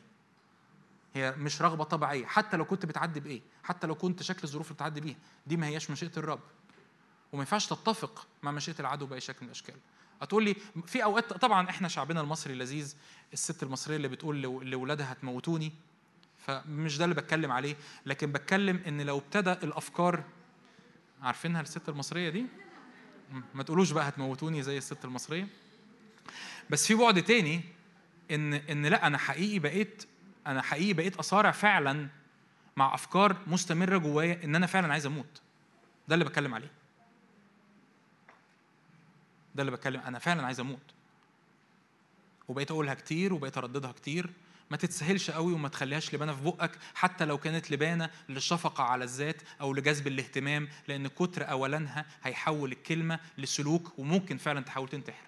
تقول لي أنا؟ أقول لك ما هي القصة مش فيك أنت. قصة في روح الشرير مستحيل مش أنا. أنا بس بقولها كده وبحس الناس بتهتم بيا. بطل تقول هذه الكلمة. تأثيرات تانية بتعملها أرواح الشر على مستوى الحياة الروحية. ممكن يحصل لك إظهارات شخصية أثناء الصلاة. يعني إيه؟ يعني ممكن طول الوقت طول ما أنت بتيجي تصلي تحس أنت مخنوق. أنا طبعا مش بتكلم تقول أصل كان في حرب الأسبوع اللي فات أنا مش بتكلم على كده. أنا بتكلم على حاجة إيه؟ مستمرة أن كل ما أجي أصلي بحس إن أنا إيه؟ مخنوق. بحس بضيقة نفس. بحس إن أنا مش قادر أقعد على بعضي أفتح الكتاب. مش قادر. كل ما بفتح الكتاب المقدس بجيب اللحاف واتغطى بنعس. ده روح شرير اسمه روح السبات. أنا بكلم بجد اشعياء 28 ده روح السبات. كل ما بفتح الكتاب بنعس. كل ما باجي أصلي بنام. سهل قوي تسهر قدام ماتش أو قدام مسلسل. صعب جدا تسهر قدام الكلمة. اتنين من التأثيرات على المستوى الروحي حدوث إظهارات خارجية. مش كل الإظهارات عايز أقول لك كده مش كل الإظهارات اللي بتحصل في الاجتماعات هي بسبب ملء الروح القدس. في بعض الإظهارات اللي بتحصل بسبب أرواح شريرة وأصلي إن الرب يبتدي يدينا تمييز في إظهارات بتحصل بسبب أرواح شريرة ما تحكمش مش دورك إنك تحكم على الإظهارات لأن ممكن يبقى نفس الإظهار هو هو بالظبط. ويبقى شخص عليه روح شرير وشخص ثاني بيمتلئ بالروح القدس. ما تحكمش بحسب الظاهر لكن ببساطة ده برضو إيه؟ مؤشر. مؤشر إنه طول الوقت بتحصل إظهارات معينة أثناء الصلاة. وأخيرا على مستوى الحياة العملية. إيه بقى على مستوى الحياة العملية دي؟ دي اللي بنسميها اللعنات. إيه هي اللعنة؟ قبل ما أقول لك إيه هي اللعنة أقدر أقول لك إيه هي البركة. إيه هي البركة؟ إنك تزرع وتحصد أكتر من اللي زرعته. دي اسمها إيه؟ بركة. تزرع وتحصد أكتر من اللي زرعته. إيه هي اللعنة؟ إنك تزرع وتحصد أقل من المفروض تحصده. اللعنة دي ممكن زي إيه مثلا؟ زي أبواب شغل مقفولة. زي أبواب ارتباط مقفولة. زي مشاكل مستمرة في بيتي مع عيالي مع في علاقاتي في فلوسي. بيدخل لي فلوس كتير بس طول الوقت بتروح على ما فيش. كل دي تأثيرات أرواح شريرة. بس اسمها إيه؟ لعنات. مش هدخل دلوقتي غالبا أنا هفوت الأسباب عشان الوقت لأن عايز أدخل في الصلاة.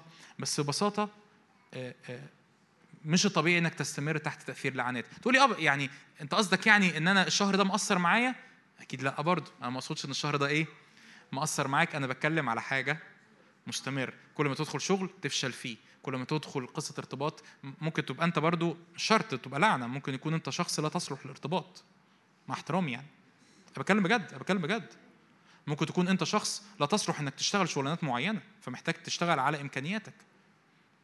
لكن لو أنت مميز إنه فعلا أنا نفسيا وعمليا كل حاجة مناسبة بس مرة واحدة كل الأبواب بقت مقفلة في وشي والفترة طويلة ممكن أحكي اختبار له علاقه باللعنات ده مش هنسى ابدا مرة في مؤتمر في ديسمبر 2020 كنت في في محافظة بره القاهرة وبعدين في وسط الاجتماع كنت بصلي صلاة عامة كده يعني يعني زي وقت الصلاة اللي بنصليه بعد الاجتماع ورب شغلني أبتدي أصلي لأجل اللعنات والكسر اللعنات وكان في اثنين حاضرين في في, في هذا الاجتماع رب شاور لي عليهم شخصيا.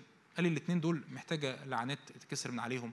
واحد منهم كان متجوز بقاله سنة ونص مش عارف يشتغل. هو كان موظف ومتجوز بس بقاله سنة ونص مش لاقي شغل. واحد تاني بقاله سنتين مش عارف يشتغل. الاثنين دول اتصلى معاهم في نفس اليوم. الأولاني بعت لي بعدها بأسبوع. بيقول إن هو اشتغل التاني بعدها بأسبوع بقى يشتغل شغلانتين. إيه اللي كان حاصل في حياتهم؟ لعنات. حاجة منع أمور من أرواح شر منع الابواب انها تتفتح. منع. كانوا بيعملوا كل حاجة يقدروا يعملوها. بيقدموا على كل الأشغال اللي يقدروا يشتغلوها. بي بي افكار business أفكار شغل خاص أفكار أفكار أفكار. مفيش أي حاجة ماشية. فأوقات ارواح الشر بتعمل حاجة زي كده. فلو أنت عندك نوع من أنواع العصلجة في حياتك الشخصية مش مش طبيعي يا جماعة. أنا نفسي نوصل للقناعة دي. مش طبيعي يا جماعة دي تبقى حياتك. صح ولا إيه؟ مش طبيعي يا جماعة دي تبقى حياتك. مش طبيعي مش الطبيعي. مش الطبيعي إن حياتك كلها إنزعاج دوشة تشويش أمراض مصايب أبواب متقفلة. إيه وفي طب إيه في إيه يعني؟ يعني لازم أتوقف وقفه قدام الرب وأقول له رب يعني يعني يا إما أنا محتاج أنمو وأزداد في الإيمان وأزداد في الثقة وأزداد في إدراك الكلمة وأزداد في إدراك الحق. يا إما ممكن يكون عندي مشاكل عملية والرب يشاور عليها والرب يبتدي يشكل الأمور العملية. محتاج أبقى متواضع وخاضع لكن مش طبيعي إن طول الوقت كل حاجة مقفلة وكل حاجة سودة وكل حاجة غلط وبحضر الاجتماعات وسايب الدنيا. ما تسيبهاش. أنا النهارده عايزك تغير غيرة الرب. آمين؟ لأن الرب غيران على حياتك لأن يسوع كان بيشفق على الجمع. يسوع كان بيشفق على المتألم. يسوع كان بيشفق على المقيد. ما كانش بيسيبهم. كل المحتاجون إلى الشفاء عمل إيه؟ شفاهم. أرواح الشركة بتخرج. المرضى كانوا بيشفوا. مش الطبيعي إن أفضل مستمر بنفس الأثقال وسايب الدنيا. وأوقات لأن إحنا متدينين لأن إحنا مسيحيين مؤمنين ما بقفش وقفة جد. أنا خايف أسأل الرب. ما تخافش تسأل الرب. هتقول يعني هسأل الرب أقول له يا رب هو ليه المرض ما خفش؟ أيوه. التلاميذ اخذوا يسوع على جنب قالوا له يا معلم لماذا لم نقدر نحن أن إيه؟ أن نخرجه؟ مش الطبيعي إن روح شرير ما يخرجش. الطبيعي إنه يخرج مش الطبيعي إنه ما يخرجش. وإحنا بنخاف نسأل. نو no, ما تخافش. ممكن تكون أوقات بتخاف لأن أنت خايف إن حاجة تطلع فيك غلط. طب وإيه المشكلة؟ إيه المشكلة؟ ممكن يبقى في حياتي ثغرة. إيه المشكلة؟ توب عنها. الرب لما يشاور على ثغرة مش معنى كأنه بيدينك. بيقول لك حبيبي إيه أنا أبوك وأنت وأنت ابني أنا بشاور لك على الثغره عشان تعلن حماية الدم وتوب وترجع عن الطرق فتتبارك. صح ولا إيه؟ كأن أب بياخد ابنه بيقول له حبيبي أنت بتذاكر غلط أنت بتحل المسألة غلط. هل الأب قصده إنه يقول لابنه أنت وحش؟ مش بيقول له أنت وحش بيقول له تعالى تعالى نمشي مع بعض السكة عشان أعلمك تتحل إزاي. فما تخافش تسأل الرب. ما تخافش تقف وقفات خاصة قدام الرب في صوم وفي صلاة وفي عبادة وقدام الكلمة وتقول له يسوع يسوع أنا كنت شايفك أنت أنت شايفك بتتمشى تجول تصنع خير تشفي جميع المتسلط عليهم إبليس أنا ليه حالي زي ما هو بقاله عشر سنين؟ يا رب لو في حاجة عملية في حياتي شاور لي عليها ولو في حاجة روحية أو نفسية شاور لي عليها لكن أرجوك ما تسيبنيش زي ما أنا. ما تسيبنيش زي ما أنا. حتى لو ده كان على حساب كبريائي. على حساب إيه؟ على حساب شكلي قدام الناس. على حساب منظري. على حساب التعود. شكلي قدام مراتي حتى. شكلي قدام جوزي حتى. بقى مراتي تقول لجون الخادم اللي مش عارف إيه يطلع مقيد مش عارف إيه. ما يطلع مقيد المهم يتحرر مش يفضل في في في, في الطين مقيد سنين وسنين وسنين بيخدم والطين لحد ما يغرق في الطين يغرق ويغرق الناس ويغرق معاه الناس اللي بيخدمهم. المهم يطلع من الطين. النهارده مهم أنا عايز أشجعك المهم النهارده تطلع من الطين. تطلع من السواد تطلع من اللعنة تطلع من كآبة القلب تطلع من التشويش تطلع من الدوشة. مش سايب حياتك ماشية زي ما هي بدون وقفة حقيقية. لا أنا عايز النهارده أقول لك أقف وقفة حقيقية. يا معلم ليه الحاجة ليه الدنيا ما بتتغيرش يا معلم أنا بتفرج عليك بشوفك بتشفي بتحرر بتشبع الاحتياجات بتقبل المرفوضين بتعزي الحزانة بتقيم الموتى بتطلق اللي ما ينفعوش يطلقوا للخدمة كل ده أنت بتعمله. يا معلم ليه حياتي واقفة بقالها سنين وسنين؟ لو رب شاوري على الخطية توب. أقول لك كده حاجات سريعة يعني. لو لو رب شاور لك على عهود وارتباطات شيطانية توب عنها. أنا هقولها بصيغة تانية يعني غير الصيغة المكتوبة أو يعني أنا هقول في النص كده إزاي ارواح الشر بتاخد سيادة على حياتنا بس في نفس الوقت عايز أقول لك تتوب عن إيه؟ لو رب شاور لك على عهود وارتباطات شيطانية بسبب جيم على الموبايل لعبته بسبب فيلم رعب اتفرجت عليه من عشر سنين أنا بكلم بجد. ده بيحصل؟ تقول لي آه بيحصل. أيوه بيحصل. بسبب تيتا اللي كانت بتقرا الفنجان. دي عهود وارتباطات شيطانية. بسبب مرة بتمشى في الساحل لقيت واحد لقيت واحدة فرشة مش أنا يعني أنا بدي أنا عمري ما رحت الساحل مرة واحدة بس يعني بتتمشى مثلا على البحر لقيت واحدة فرشة الودع قلت الله لعبة لذيذة. ده يعمل مع ده يعمل عهود وارتباطات شيطانية؟ أيوه. ده يفتح على حياتي أبواب من روح شر أيوه. أعمل إيه؟ توب. توب. بسبب يوجا. رحت المدرب يوجا لذيذ. عهود شيطانية. اليوجا ما هياش رياضة. اليوجا ممارسات شيطانية مرتبطة بعبادات الشرق الأقصى. واللي مش مقتنع يدور على الإنترنت على أي واحد فاهم يوجا مش بتوع مصر. بتوع مصر مش فاهمين يوجا. دور على أي واحد من الجوروز اللي بيفهموا يوجا. القصة ما هياش رياضة. القصة هي طاقة بتتنقل لنا من الكون. هو الكون فيه طاقة؟ دي أرواح شر يا حبيبي. عهود وارتباطات شيطانية. أعمل إيه؟ توب عنها. توب عنها. قول يا رب أنا آسف إن أنا دخلت نفسي في حاجة زي كده. أنا آسف إن أنا دخلت نفسي في سواد. أنا بعلن حماية الدم وبعلن إن كل حاجة في حياتي اتأثرت بهذا الأمر. دم يسوع يجي يغطيها. الرب ممكن ممكن يشاور لك على إيه؟ عهود مسيحية مش بحسب الكلمة. يعني إيه عهود مش مسيحية بحسب الكلمة؟ اسمعني كويس واللي على ال streaming يسمعني كويس واللي قاعد جنب اللي قاعد جنب بتاع ال streaming يسمعني كويس. يعني واحد خادم يجي على جنب يقول لك إيه؟ يقول لك بص حبيبي أنا عايز أبقى أبوك الروحي. تقول له يا سلام الله أنا نفسي حد يرعاني من زمان. طب قول ورايا. أتعهد إن أنا أتبعك وأتعهد إن أنت أبويا الروحي وأتعهد إن أنت قائدي وأتعهد إن أنا لو رحت لأي حد تاني أبقى ملعون. مفيش حاجة كتابية بتقول كده. أنت بتفتح على نفسك باب لعنة. لو حصل لك كده انت محتاج تتوب وتكسر العهد ده. ولو حد بيتفرج عليا صلى الصلوة دي ورا حد هذه الصلوة غير كتابية. مفيش واحد من الرسل طلب إنه حد من اللي بيقودهم يصلي وراه هذه الصلوة. هذه الصلوة بتفتح على أبوابك لعنة. بتفتح على حياتك انت بتلعن نفسك بنفسك. فممكن الرب يشاور لك على حاجة انت عملتها صلوه صليتها مع خادم في يوم من الأيام من النوع ده. مش أنا مش بتكلم على رغبة إن في حد يقودك وأنت في حد يرعاك وأنت تلميذ وبتمشي في السكة مش بتكلم على كده. أنا بتكلم على صلوة مباشرة مرتبطة بعهود نطقتها بلسانك تحت مسمى مسيحي. معايا؟ أكيد مش بتكلم على عهد الجواز عشان ما حدش يقول هتوب على عهد الجواز. فمش بتكلم على عهد الجواز أكيد. ولا بتكلم على عهد تبعية الرب لكن بتكلم على عهد تبعية أشخاص. مفيش عهد كتابي واحد في هذه الصلوة. ده محتاج توب عنها. يا رب أنا برفض أنا بتوب أنا بكسر هذا العهد. بعلن دم يسوع يكسر العهد ده. هقول لك إزاي نصلي يعني. ممكن الرب يعلن لك عن عناد عن خطية. آه تقول لي إيه علاقة الخطية بالعناد؟ حبيبي مش محتاج أقول لك إن الخطية بتفتح أبواب إبليس. العناد آه التمرد خطية خطية التمرد كالإيه؟ كالعرافة والعناد كالإيه؟ كالوثن والترافيم.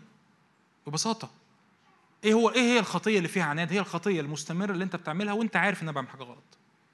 أنت عارف ان أنا بعمل حاجة غلط. ده يفتح على حياتك ابواب شر؟ أرواح شر؟ أي يفتح. ما أنت فاتح باب لابليس ده أنت مش فاتح ثغرة أنت فاتح الشباك. أوقات بنفتح الباب كمان. نقول له اتفضل. العناد. تقول لي طب في عناد في حياتي. توب. هو الرب النهارده مش بيقول لك انت وحش الرب بيقول لك توب. توب. اقفل الثغرات. اترك عنادك اترك الخطية اترك الخطية اللي انت ماشي فيها بدماغك وبدماغك وفكرة دي ملهاش هو إيه علاقة خطية النجاسة؟ بان أنا بتخانق مع مراتي كتير. ليه علاقة. روح الشر. بتدخل بت بت بتفرق ما بينك وبين مراتك.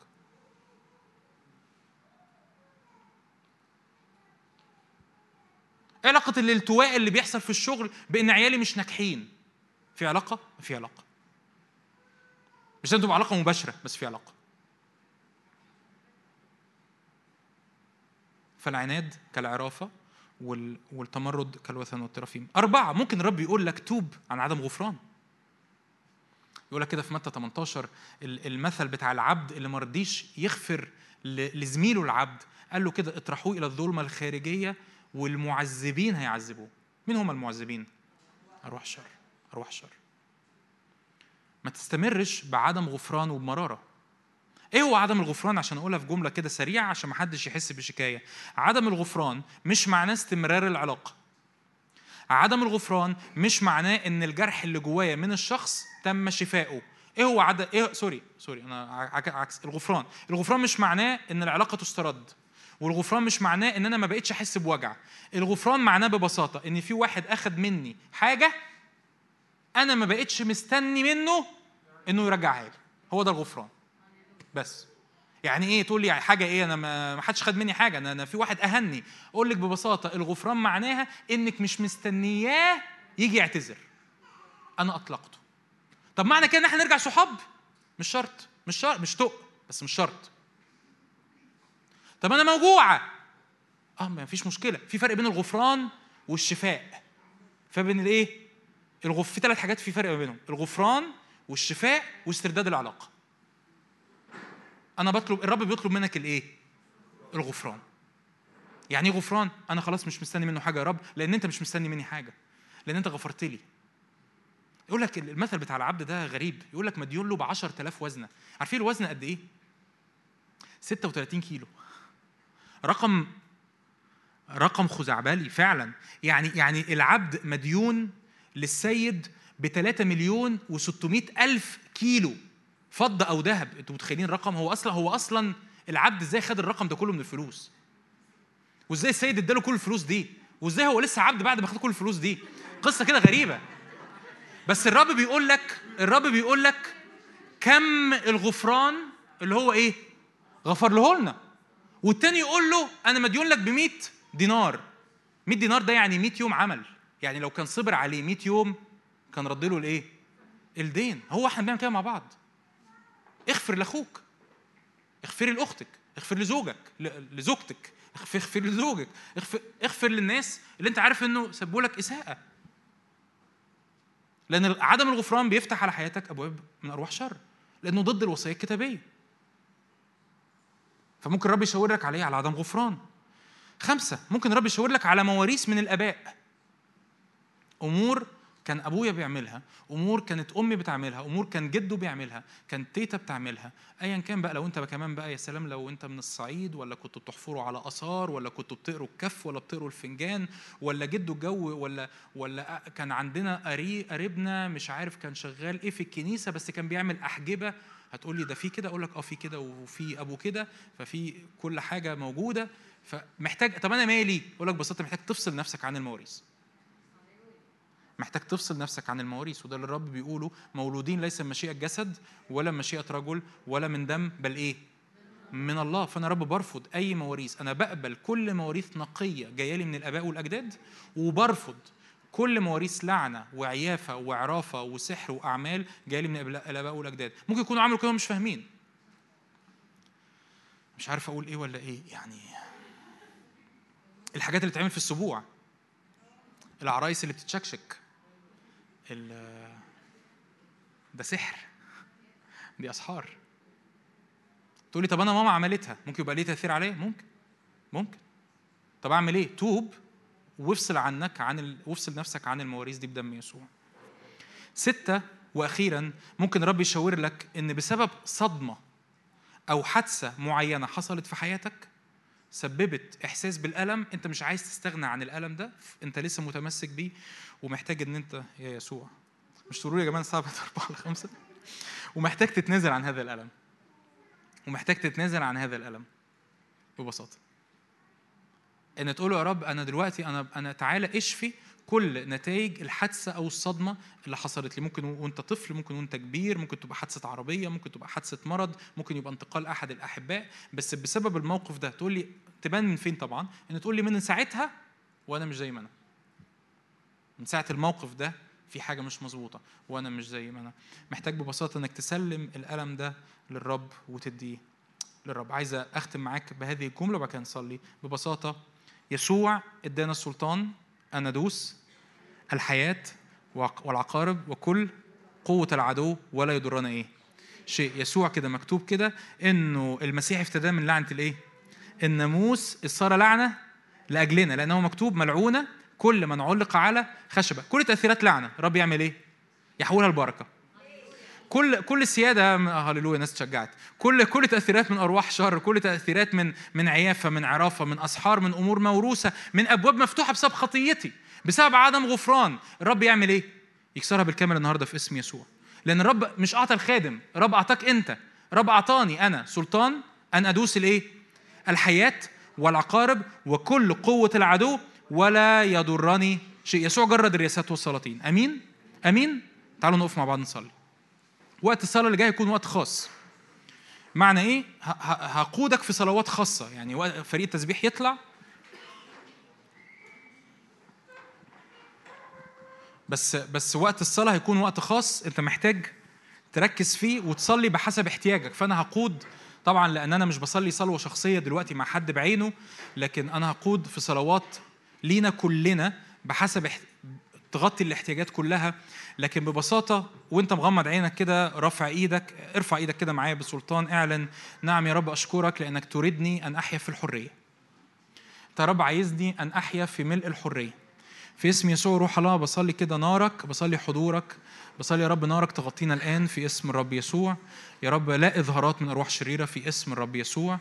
يا رب بنربط كل إظهارات من أرواح شر في اسم الرب يسوع. أشكرك لأنك تأتي تعدي على كل راس تعدي على كل ذهن تعدي على كل مشاعر. يا رب لا تأثيرات من أرواح سحر من عيافة من عرافة في اسم الرب يسوع. نعم يا رب بعلن غطاء دم يسوع عليك وعليك الآن في اسم يسوع. استقبل واعلن.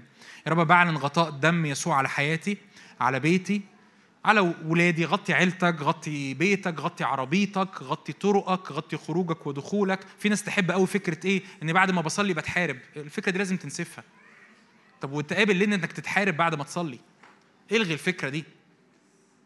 يا رب نغطي يا رب كل مالينا بدم الحمل بدم يسوع بدم يطهر وينقي ويقدس ويحرر. ارفع إيدك كده اعلن. نعم يا رب أشكرك لأنك أعطيتني السلطان أن أدوس الحياة والعقارب وكل قوة العدو ولا يضرني شيء في اسم يسوع.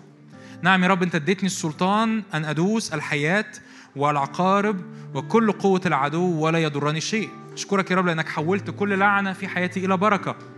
في اسم الرب يسوع. يمكن بعد التعليم ده تكتشف أو هيحصل نقلات في حياتك. يمكن تبتدي كمان تصلي لناس تانيين ورب يطلقك لناس مقيدين. نعم لأن هو قال كده انه إنه روح السيد الرب عليا أرسلني لأشفي منكسر القلوب. أنادي للمسبيين بالإيه؟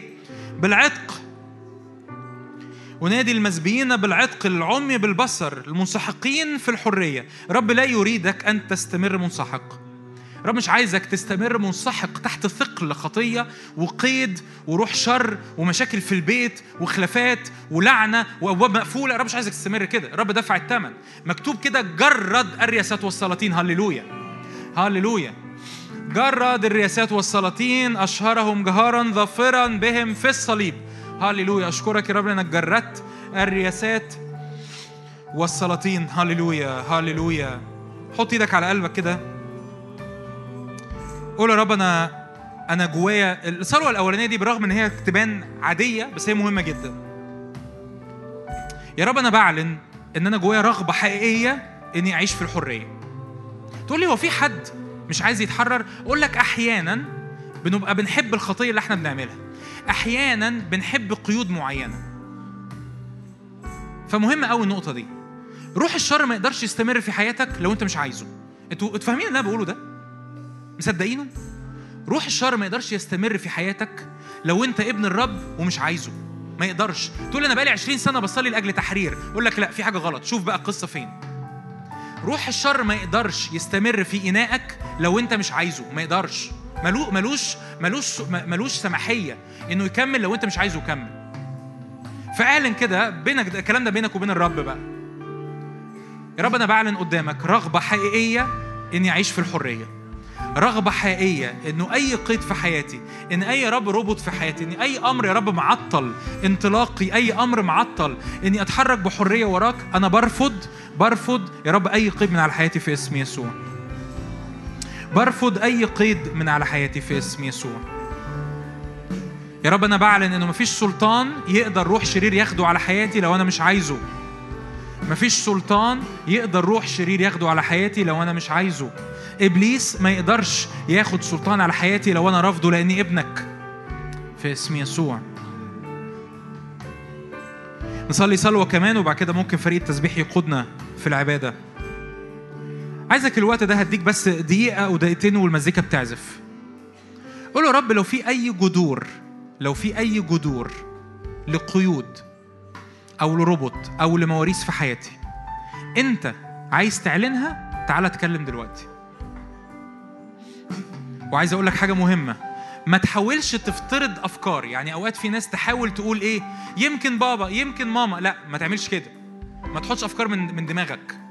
ببساطة قول يا رب أنا بسلم لك اللحظات دي ذهني بسلم لك اللحظات دي انطباعاتي. لو في أي جذور أنت محتاج تعلنها علشان أتعامل معاها تعالى اعلنها ببساطة وانت مغمض عينك. ببساطة. أوقات الرب يعلن جذور وأوقات ممكن يبقى في جذور والرب ما يعلنهاش وتخلص في الصلاة. بس أوقات لأسباب معينة ممكن الرب عايز يعلن بعض من الجذور دي. بنسلم لك أذهاننا يا روح الله بنسلم لك قلوبنا. أي جذور يا رب عايز تكشفها عايز تفضحها تعالى يا رب اكشف تعالى اتكلم تعالى قود إخواتي في اسم يسوع.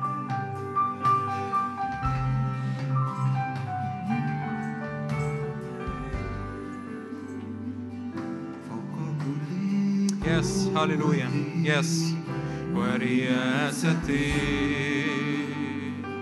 فوق كل اسم وسيادتي فوق كل قوة هاليلويا فوق كل قوتي ورياستي فوق كل اسم وسيادتي عظم يسوع. أنت قائم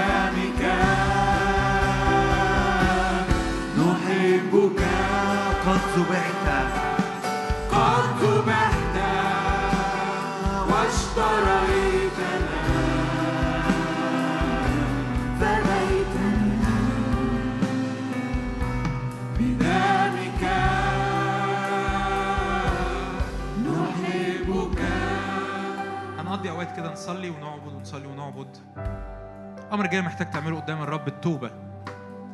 التوبة توبة حقيقية. يا رب أنا بترك كل طرق قديمة. بترك كل بعد عنك. بترك يا رب كل خطية كل عناد. كل سلوك يا رب في خطايا. دي صلوات شخصية. أنت محتاج تصليها لنفسك. محتاجه تصليها لنفسك. يا رب أنا بتوب يا رب عن كل سلوك في عناد. كل سلوك في كبرياء. يا رب أنا بتوب يا رب وبرجع لك. بقول لك يا رب أنا حقيقي محتاج سيادتك في كل دوائر حياتي. لأن يا رب لما سبت أمور كنت عايش فيها زي ما أنا شايف وزي ما أنا عايز الدنيا ما مشيتش أحسن حاجة. يا رب أنا بدي لك سيادة على كل دوائر حياتي. بدي لك سيادة على كل دوائر حياتي. يا رب أنا بتوب عن كل أمور شيطانية دخلت فيها. أشجعك صلي بصوت حتى لو الصوت ده أنت بس اللي سامعه. يا رب أنا بتوب عن كل عهود وارتباطات شيطانية دخلت فيها. أيا كانت هي إيه؟ سواء دخلتها بعلم أو بغير علم. سواء دخلتها وأنت فاهم أنت بتعمل إيه أو مش فاهم أنت بتعمل إيه. يمكن اتفرجت على أفلام رعب. يمكن اتفرجت على أفلام مليانة سحر وعيافة وعرافة. يمكن في سحر عمل. هتقول لي تقول لي ده في حاجات عملتها؟ تقول لي ده في حاجات أنا عملتها من قبل الإيمان؟ ممكن يبقى لسه ليها تأثير عليا؟ أقول لك آه ممكن. ممكن يبقى لسه ليها تاثير عليك لحد النهارده. يا رب أنا بتوب يا رب عن كل سحر كل عمل كل عيافة كل عرافة. صلي معايا في اسم يسوع أنا بكسر كل عهد أخدته ونطقته على نفسي بجهل. في اسم يسوع أنا بكسر كل عهد أخدته نطقته على نفسي بجهل. كل عهد مش كتابي. كل عهد مع الحزن. كل عهد مع الموت. كل عهد مع ناس يبان إن هم خدام. لو انت بتتابع معانا دلوقتي ومحتاج تصلي الصلوات دي صلي عشان تصلي في بيتك. كل عهد خدته على نفسي حتى لو أنا مش فاهم أنا بعمل إيه. يا رب أنا بتوب عنه وبكسره بدم يسوع. بكسره بدم يسوع.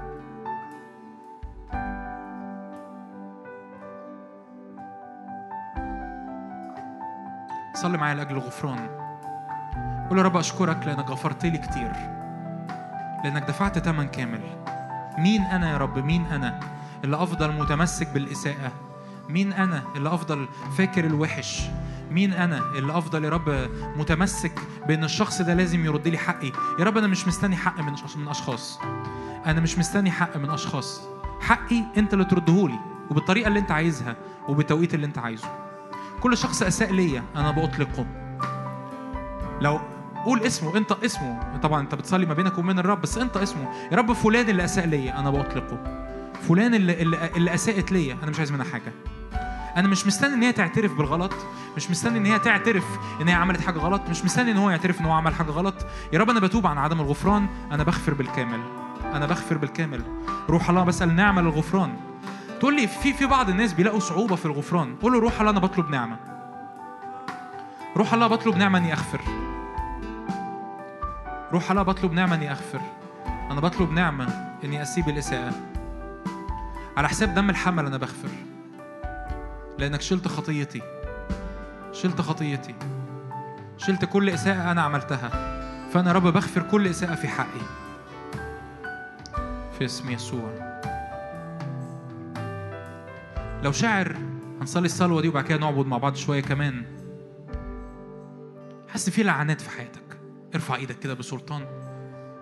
أبواب مقفولة أبواب مقفولة في شغل بركة مادية مسلوبة أمراض متكررة أبواب مقفولة في ارتباط أبواب أبواب مقفولة في نجاح في اسم الرب يسوع. يا رب أنا بعلن في اسم الرب يسوع إن الرب يسوع رفع عني كل لعنة.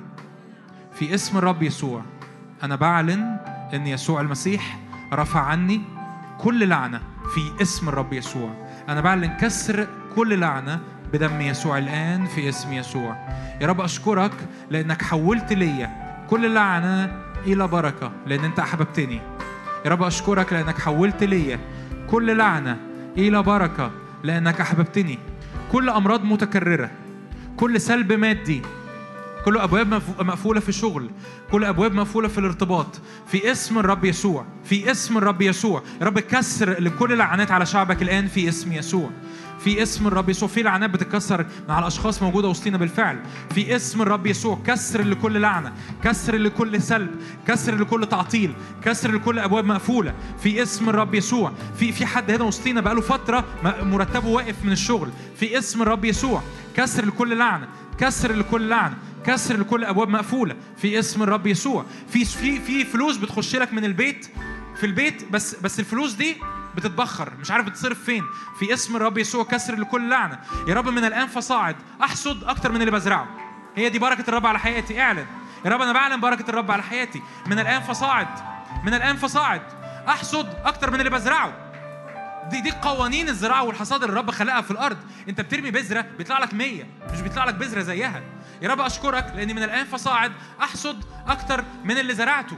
أحصد في امور المادية أحصد في في في عيالي أحصد في بيتي أحصد في في علاقاتي أحصد في خدمتي أحصد في أبوابي أحصد في شغلي أحصد في فرحي أحصد في سلامي أحصد في شفائي الجسدي في اسم الرب يسوع. يا رب كل لعنة تتكسر من على حياتي الآن في اسم الرب يسوع. في اسم الرب يسوع في اسم يسوع في اسم يسوع. لا لعنة لا لعنة. لا لعنه في اسم الرب يسوع. كسر اللعنات. في اسم الرب يسوع. كسر لكل كلمات سلبية. كسر لكل كلمات موت. كسر لكل كلمات انت شخصيا نطقتها على حياتك سواء بالموت أو بالمرض أو بالفشل. كسر لكل كلمات أبوك أو أمك نطقوها عليك من زمان بفشل أو بمرض أو بموت. يمكن زوجك نطق كلمات يمكن جوزك نطق كلمات يمكن مراتك نطق كلمات على عيالك. يا رب بنكسر كل تأثيرات لعنة في اسم الرب يسوع. أنت تحول لينا اللعنة إلى بركة. تحول لينا اللعنة إلى بركة لأنك بتحبنا. هللويا. لأنك بتحبني. هللويا. فتحول لي اللعنة إلى بركة في اسم الرب يسوع. في اسم يسوع.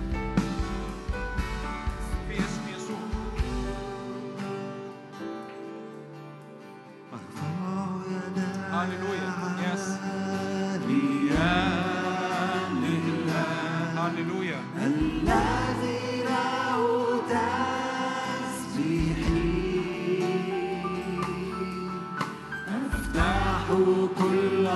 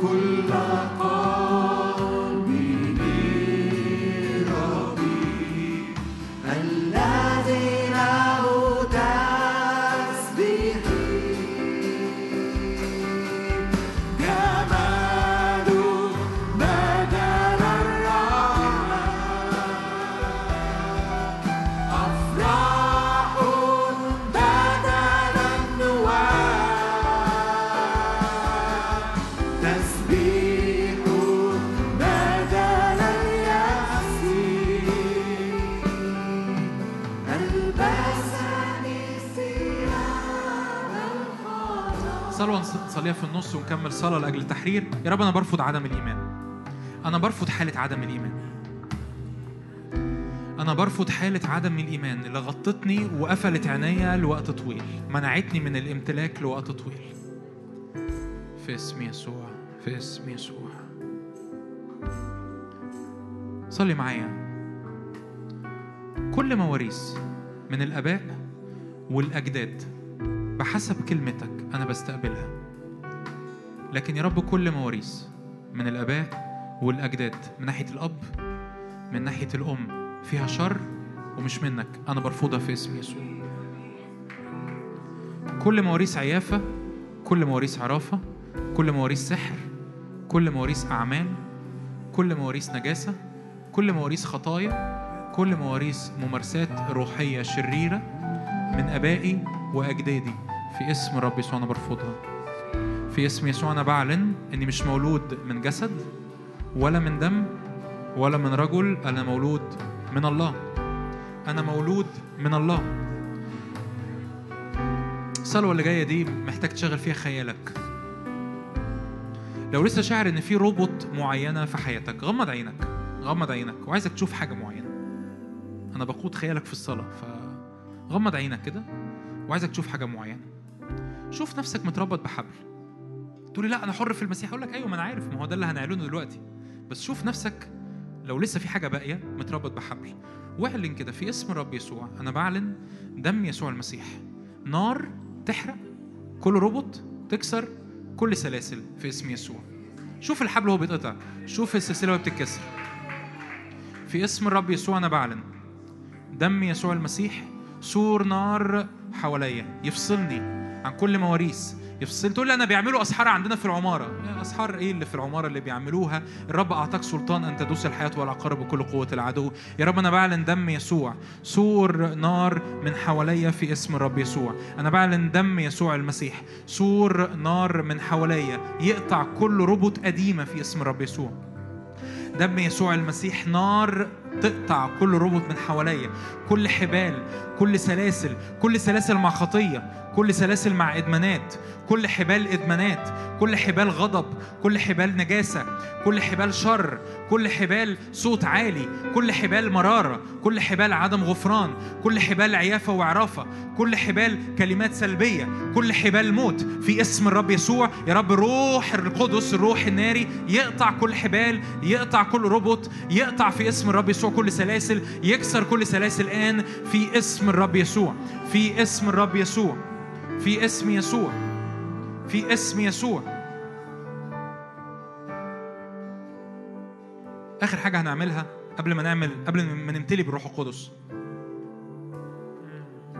في اسم الرب يسوع. أي بواقي من روح شرير في حياتي أنا بطردك الآن بالكامل بالكامل بره جسدي في اسم يسوع. وانفخ لبره وانفخ نفخة لبره. ما تتكسفش إنك تعمل كده. في ناس مكسوفة ما تكسفش إنك تعمل كده. في اسم الرب يسوع أي بواقي من أرواح شر في حياتي أنا برفضها بالكامل من حياتي. في اسم الرب يسوع أنا برفض أي سيادة من روح نجاسة أنا برفض أي سيادة على ذهني أي سيادة على مشاعري أي أفكار موت أي أفكار اكتئاب أي أفكار انتحار في اسم الرب يسوع. أي أمور قديمة أي ربط قديمة أي أرواح شر لسه بتسود على ذهني أو مشاعري في اسم الرب يسوع. أنا بخرجك الآن بره جسدي بره ذهني بره مشاعري بالكامل. في اسم الرب يسوع. اخرج وانفخ نفخة لبره في اسم يسوع. في اسم يسوع. صلي. عايز أشجعك تصلي الصلوة دي لحد ما تشعر إن في حاجة حصلت. إن في لو لو في في اوقات أوقات بيبقى حاصل زي زي تقل على ذهنك زي تقل على قلبك زي تقل على مشاعرك. وفي وقت في لحظة الحرية بتشعر إن الإيد دي اترفعت إن التقل ده ما بقاش موجود. في اسم الرب يسوع أنا بعلن سلامك بعلن سيادتك بعلن حريتك الآن بالكامل في اسم الرب يسوع. لا سيادة من أرواح شر في اسم يسوع. حرية كاملة لكل جسد حرية كاملة لكل نفس. حرية كاملة لكل مشاعر. في اسم الرب يسوع حرية كاملة لكل سلوك. الرب يطلق رجليك في الحرية في اسم يسوع. الرب يطلق رجليك في الحرية في اسم الرب يسوع. الرب يطلق رجليك في الحرية في اسم الرب يسوع. الرب يطلق رجليك في الحرية في اسم يسوع. كل قيد على ذهنك كل قيد على مشاعرك كل قيد على أفكارك كل قيد على أحمال كان بتحمل على مشاعرك الوقت اللي فات في اسم الرب يسوع. كل قيد في سلوكك كل إدمانات من من من إدمان من بورنوجرافي من من من من عادة سرية من خطايا معينة ممكن سجاير ممكن كحوليات ممكن حتى مخدرات ممكن مشاهدة حاجات معينة من علاقات معينة بتضرك في اسم الرب يسوع. أي ربط نفسية أي ربط روحية ما بيني وما بين أشخاص في اسم الرب يسوع. اكسر كده في اسم الرب يسوع أنا بعلن أي ربط ما بيني وما بين أشخاص أي ربط في علاقات. دخلت علاقة مع ولد ومن ساعة ما دخلت العلاقة مع الولد بالرغم إن أنتوا سبتوا بعض لسه مش قادرة تسيب لسه مش قادرة تبطلي تفكير في هذا الولد. في اسم الرب يسوع أنا بكسر كل ربط تربطني نفسيه ما بيني وما بين هذا الولد بدم يسوع الآن في اسم يسوع. صاحبت واحد ولا كنت كنت في علاقة صداقة مع واحد والشخص ده كان على حياته قيود معينة القيود دي اتنقلت لك بأي بأي شكل من الأشكال. في اسم الرب يسوع أنا بعلن يا رب نار الروح القدس ودم يسوع يفصل ما بيني وما بين هذا الشخص في اسم يسوع. لا قيود على حياتي في اسم يسوع. في اسم يسوع. يا رب بعلن حرية كاملة. ارفع إيدك كده ارفع إيدك اعلن يا رب أنا بعلن حرية كاملة على نفسيتي. حرية كاملة على جسدي حرية كاملة على ذهني في اسم يسوع. لا أكون إلا فرحا. لا أكون إلا فرحا في اسم الرب يسوع. لا أكون إلا فرحا في اسم يسوع. جمال بدل الرماد. دهن الفرح عوضا عن النوح رداء تسبيح عوضا عن الروح اليائسة سلام لذهنك المنزعج. الآن في اسم يسوع. قداسة لمسيرك. قداسة لسلوكك. قداسة لأفكارك. أي انزعاجات في النوم أي أحلام مزعجة. في النوم في اسم الرب يسوع. بكلم سلام الآن في اسم يسوع. هذا الروح الشرير ملوش سيادة عليك الآن فيما بعد. الروح اللي كان بيعذبك الأفكار اللي كانت بتعذبك ملهاش سيادة عليك الآن فيما بعد في اسم الرب يسوع. في اسم يسوع.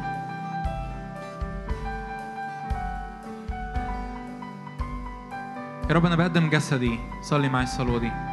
أنا بقدم جسدي نفسيتي وأفكاري ذبيحة حية. مقدسة ليك. كل كيان يا رب أقدمه ذبيحة حية ليك. كل كيان يا رب أقدمه ذبيحة حية ليك. لا ظلف في حياتي العدو. لا ظلف لحياتي العدو في اسم يسوع. كل جسدي كل نفسيتي كل مشاعري بقدمهم ذبيحة حية ليك في اسم الرب يسوع. روح الله تعالى املى يقول كده الرب لما روح شرير يخرج لازم لما يرجع يلاقي البيت مليان. قول روح الله تعالى املى روح الله تعالى املأني. كل دوائر في حياتي كانت متسابة من غير ملء الروح القدس. روح الله تعالى املى حياتي. املى مشاعري املى أفكاري املى جسدي املى ذهني املى خيالي.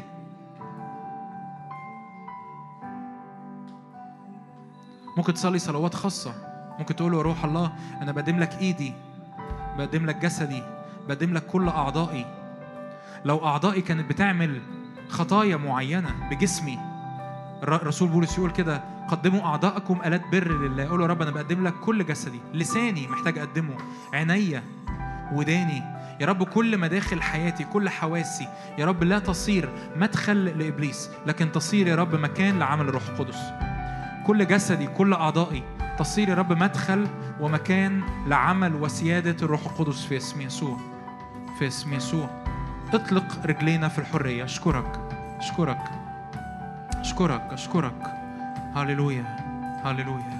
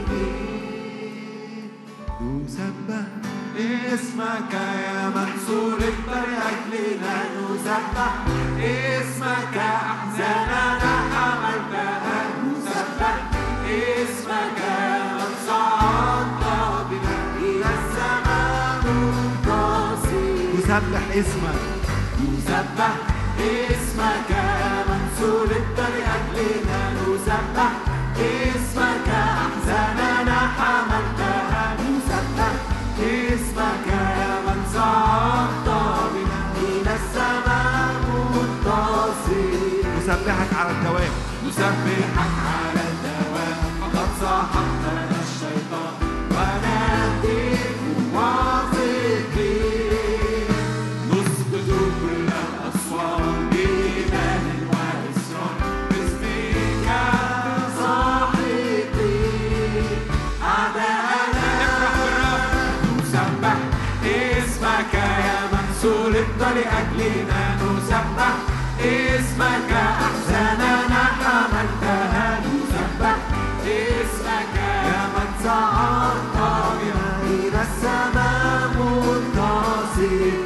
نرفع أصواتنا نرفع أصواتنا نعلن نصرتنا لك نشكو فرحين هيبة أمامنا؟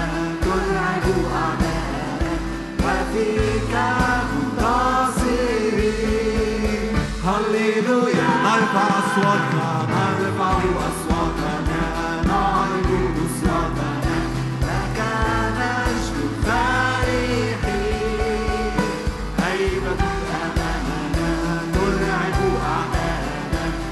أمامنا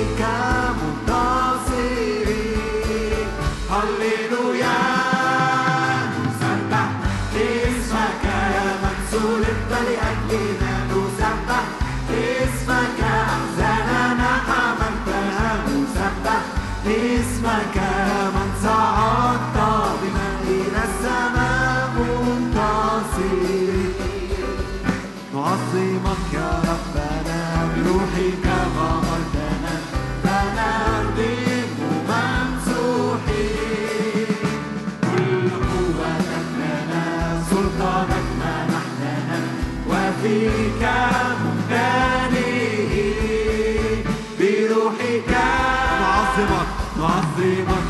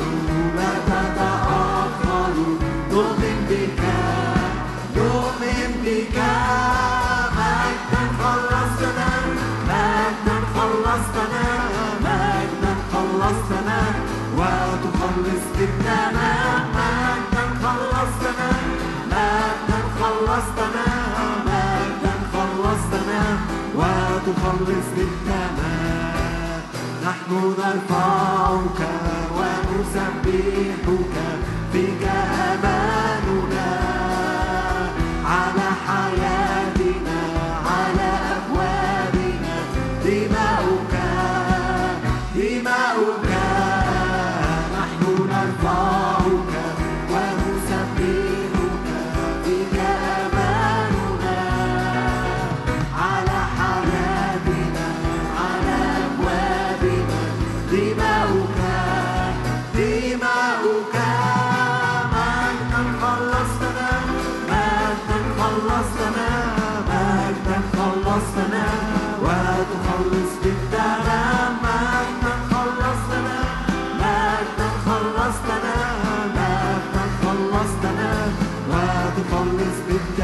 مخلصي مخلصي على الصليب مخلصي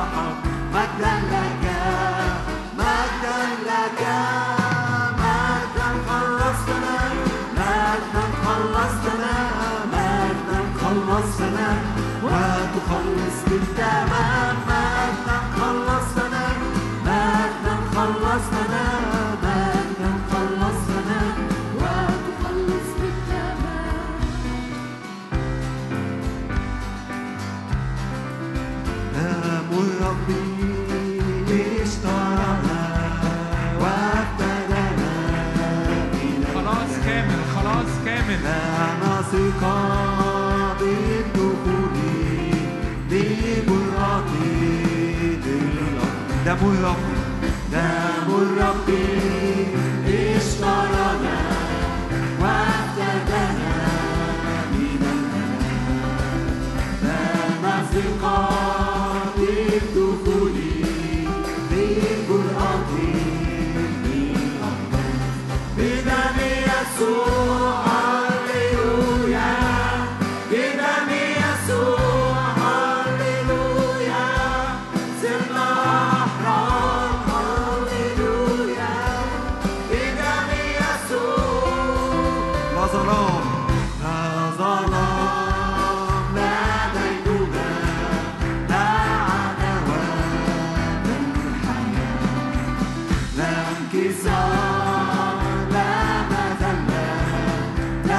لا قيود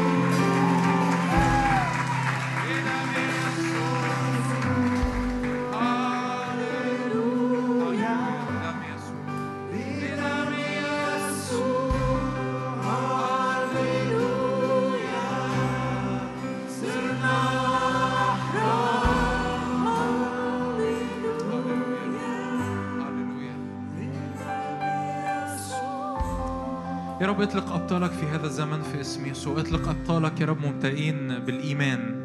صلي معايا لأجل نقلة إيمان. نقلة إيمان يا رب. نقلة إيمان يا رب.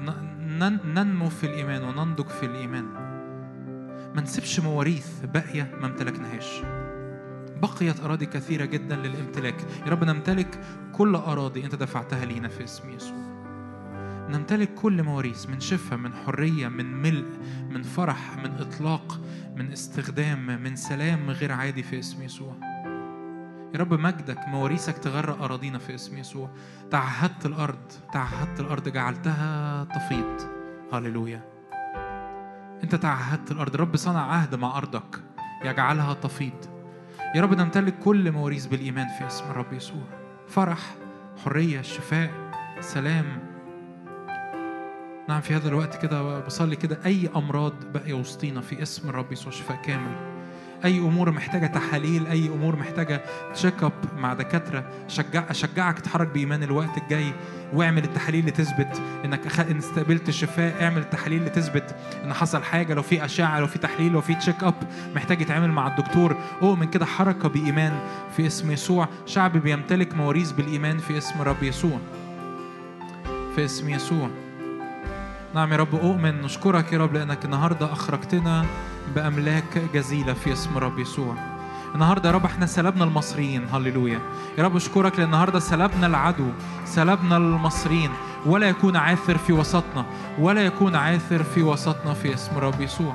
مجدك يملأ أراضينا مجدك يطلق أبطالك بمسحة بمجد بنيران بحضور غير عادي في اسم الرب يسوع. نعم لأن الرب العابر أمامنا هو نار أكلة. الرب العابر أمامنا هو نار أكلة في اسم الرب يسوع. يحاربوننا ولا يقدرون علينا. على الصل والثعبان نطق على الشبل والثعبان ندوس في اسم الرب يسوع. هللويا. كل آلة صورت ضدك لن تنجح في اسم يسوع. كل لسان يقوم عليك في يوم القضاء. يحكم عليه. هذا هو برهم من عندي وميراثهم من عندي يقول الرب. هللويا هللويا هللويا ده خلاص الرب لأتقيائه دي حرية الرب لأتقيائه دي حرية الرب لأبنائه. يا رب أبناء بيمتلكوا المواريث. أبناء بيمتلكوا المواريث. أبناء بيتحركوا. يا رب بالسلطان لامتلاك المواريث في اسم الرب يسوع. ولا عاثر في وسطنا. في اسم الرب يسوع. في اسم يسوع. في اسم يسوع.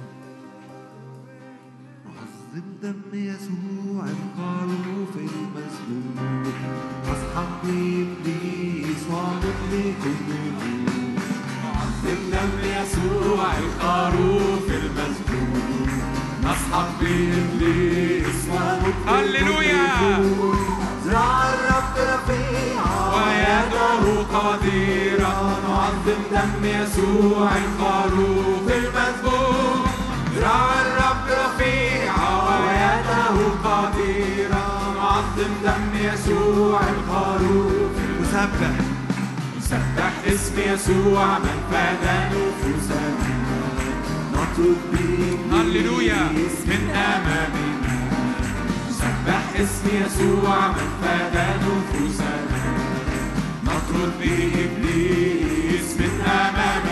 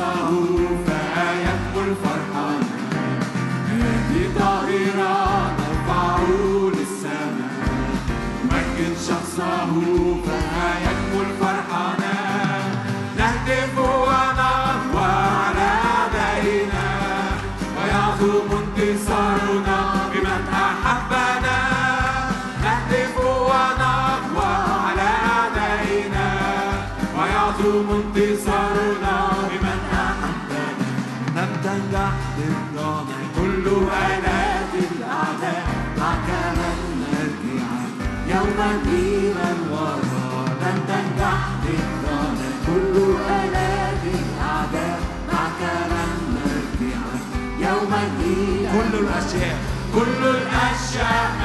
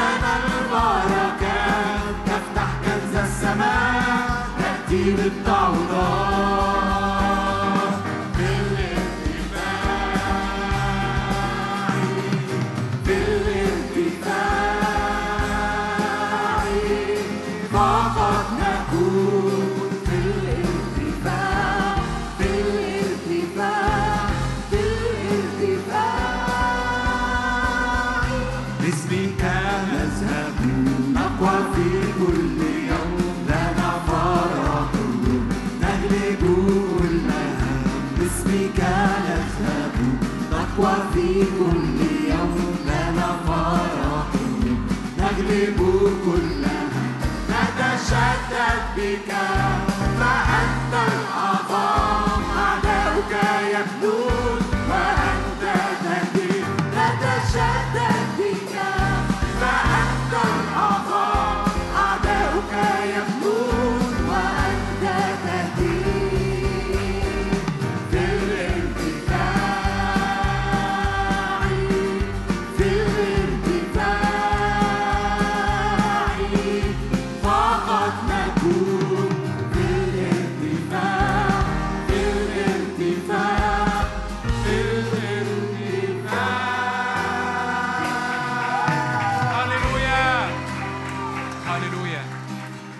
نعم يا رب نعظم اسمك بنعظم دمك لأنك أكملت العمل. نعم قد أكمل. بنهتف يا رب في وجه العدو. قد أكمل قد أكمل. بنهتف يا رب على مستقبلنا على أيامنا. يا رب على خدمتنا يا رب على حركتنا على عائلتنا على بيوتنا. قد أكمل في اسم رب يسوع. بنحبك بنحبك بنعظمك. هللويا. نشكرك لأجل كل أمر صنعت. محبة الله الآب نعمة ربنا يسوع المسيح شركة وعطية ومسحة واختراقة الروح القدس تكون فينا وعلينا من الآن وإلى الأبد في اسم يسوع. آمين. ربنا يبارككم. ربنا يبارككم.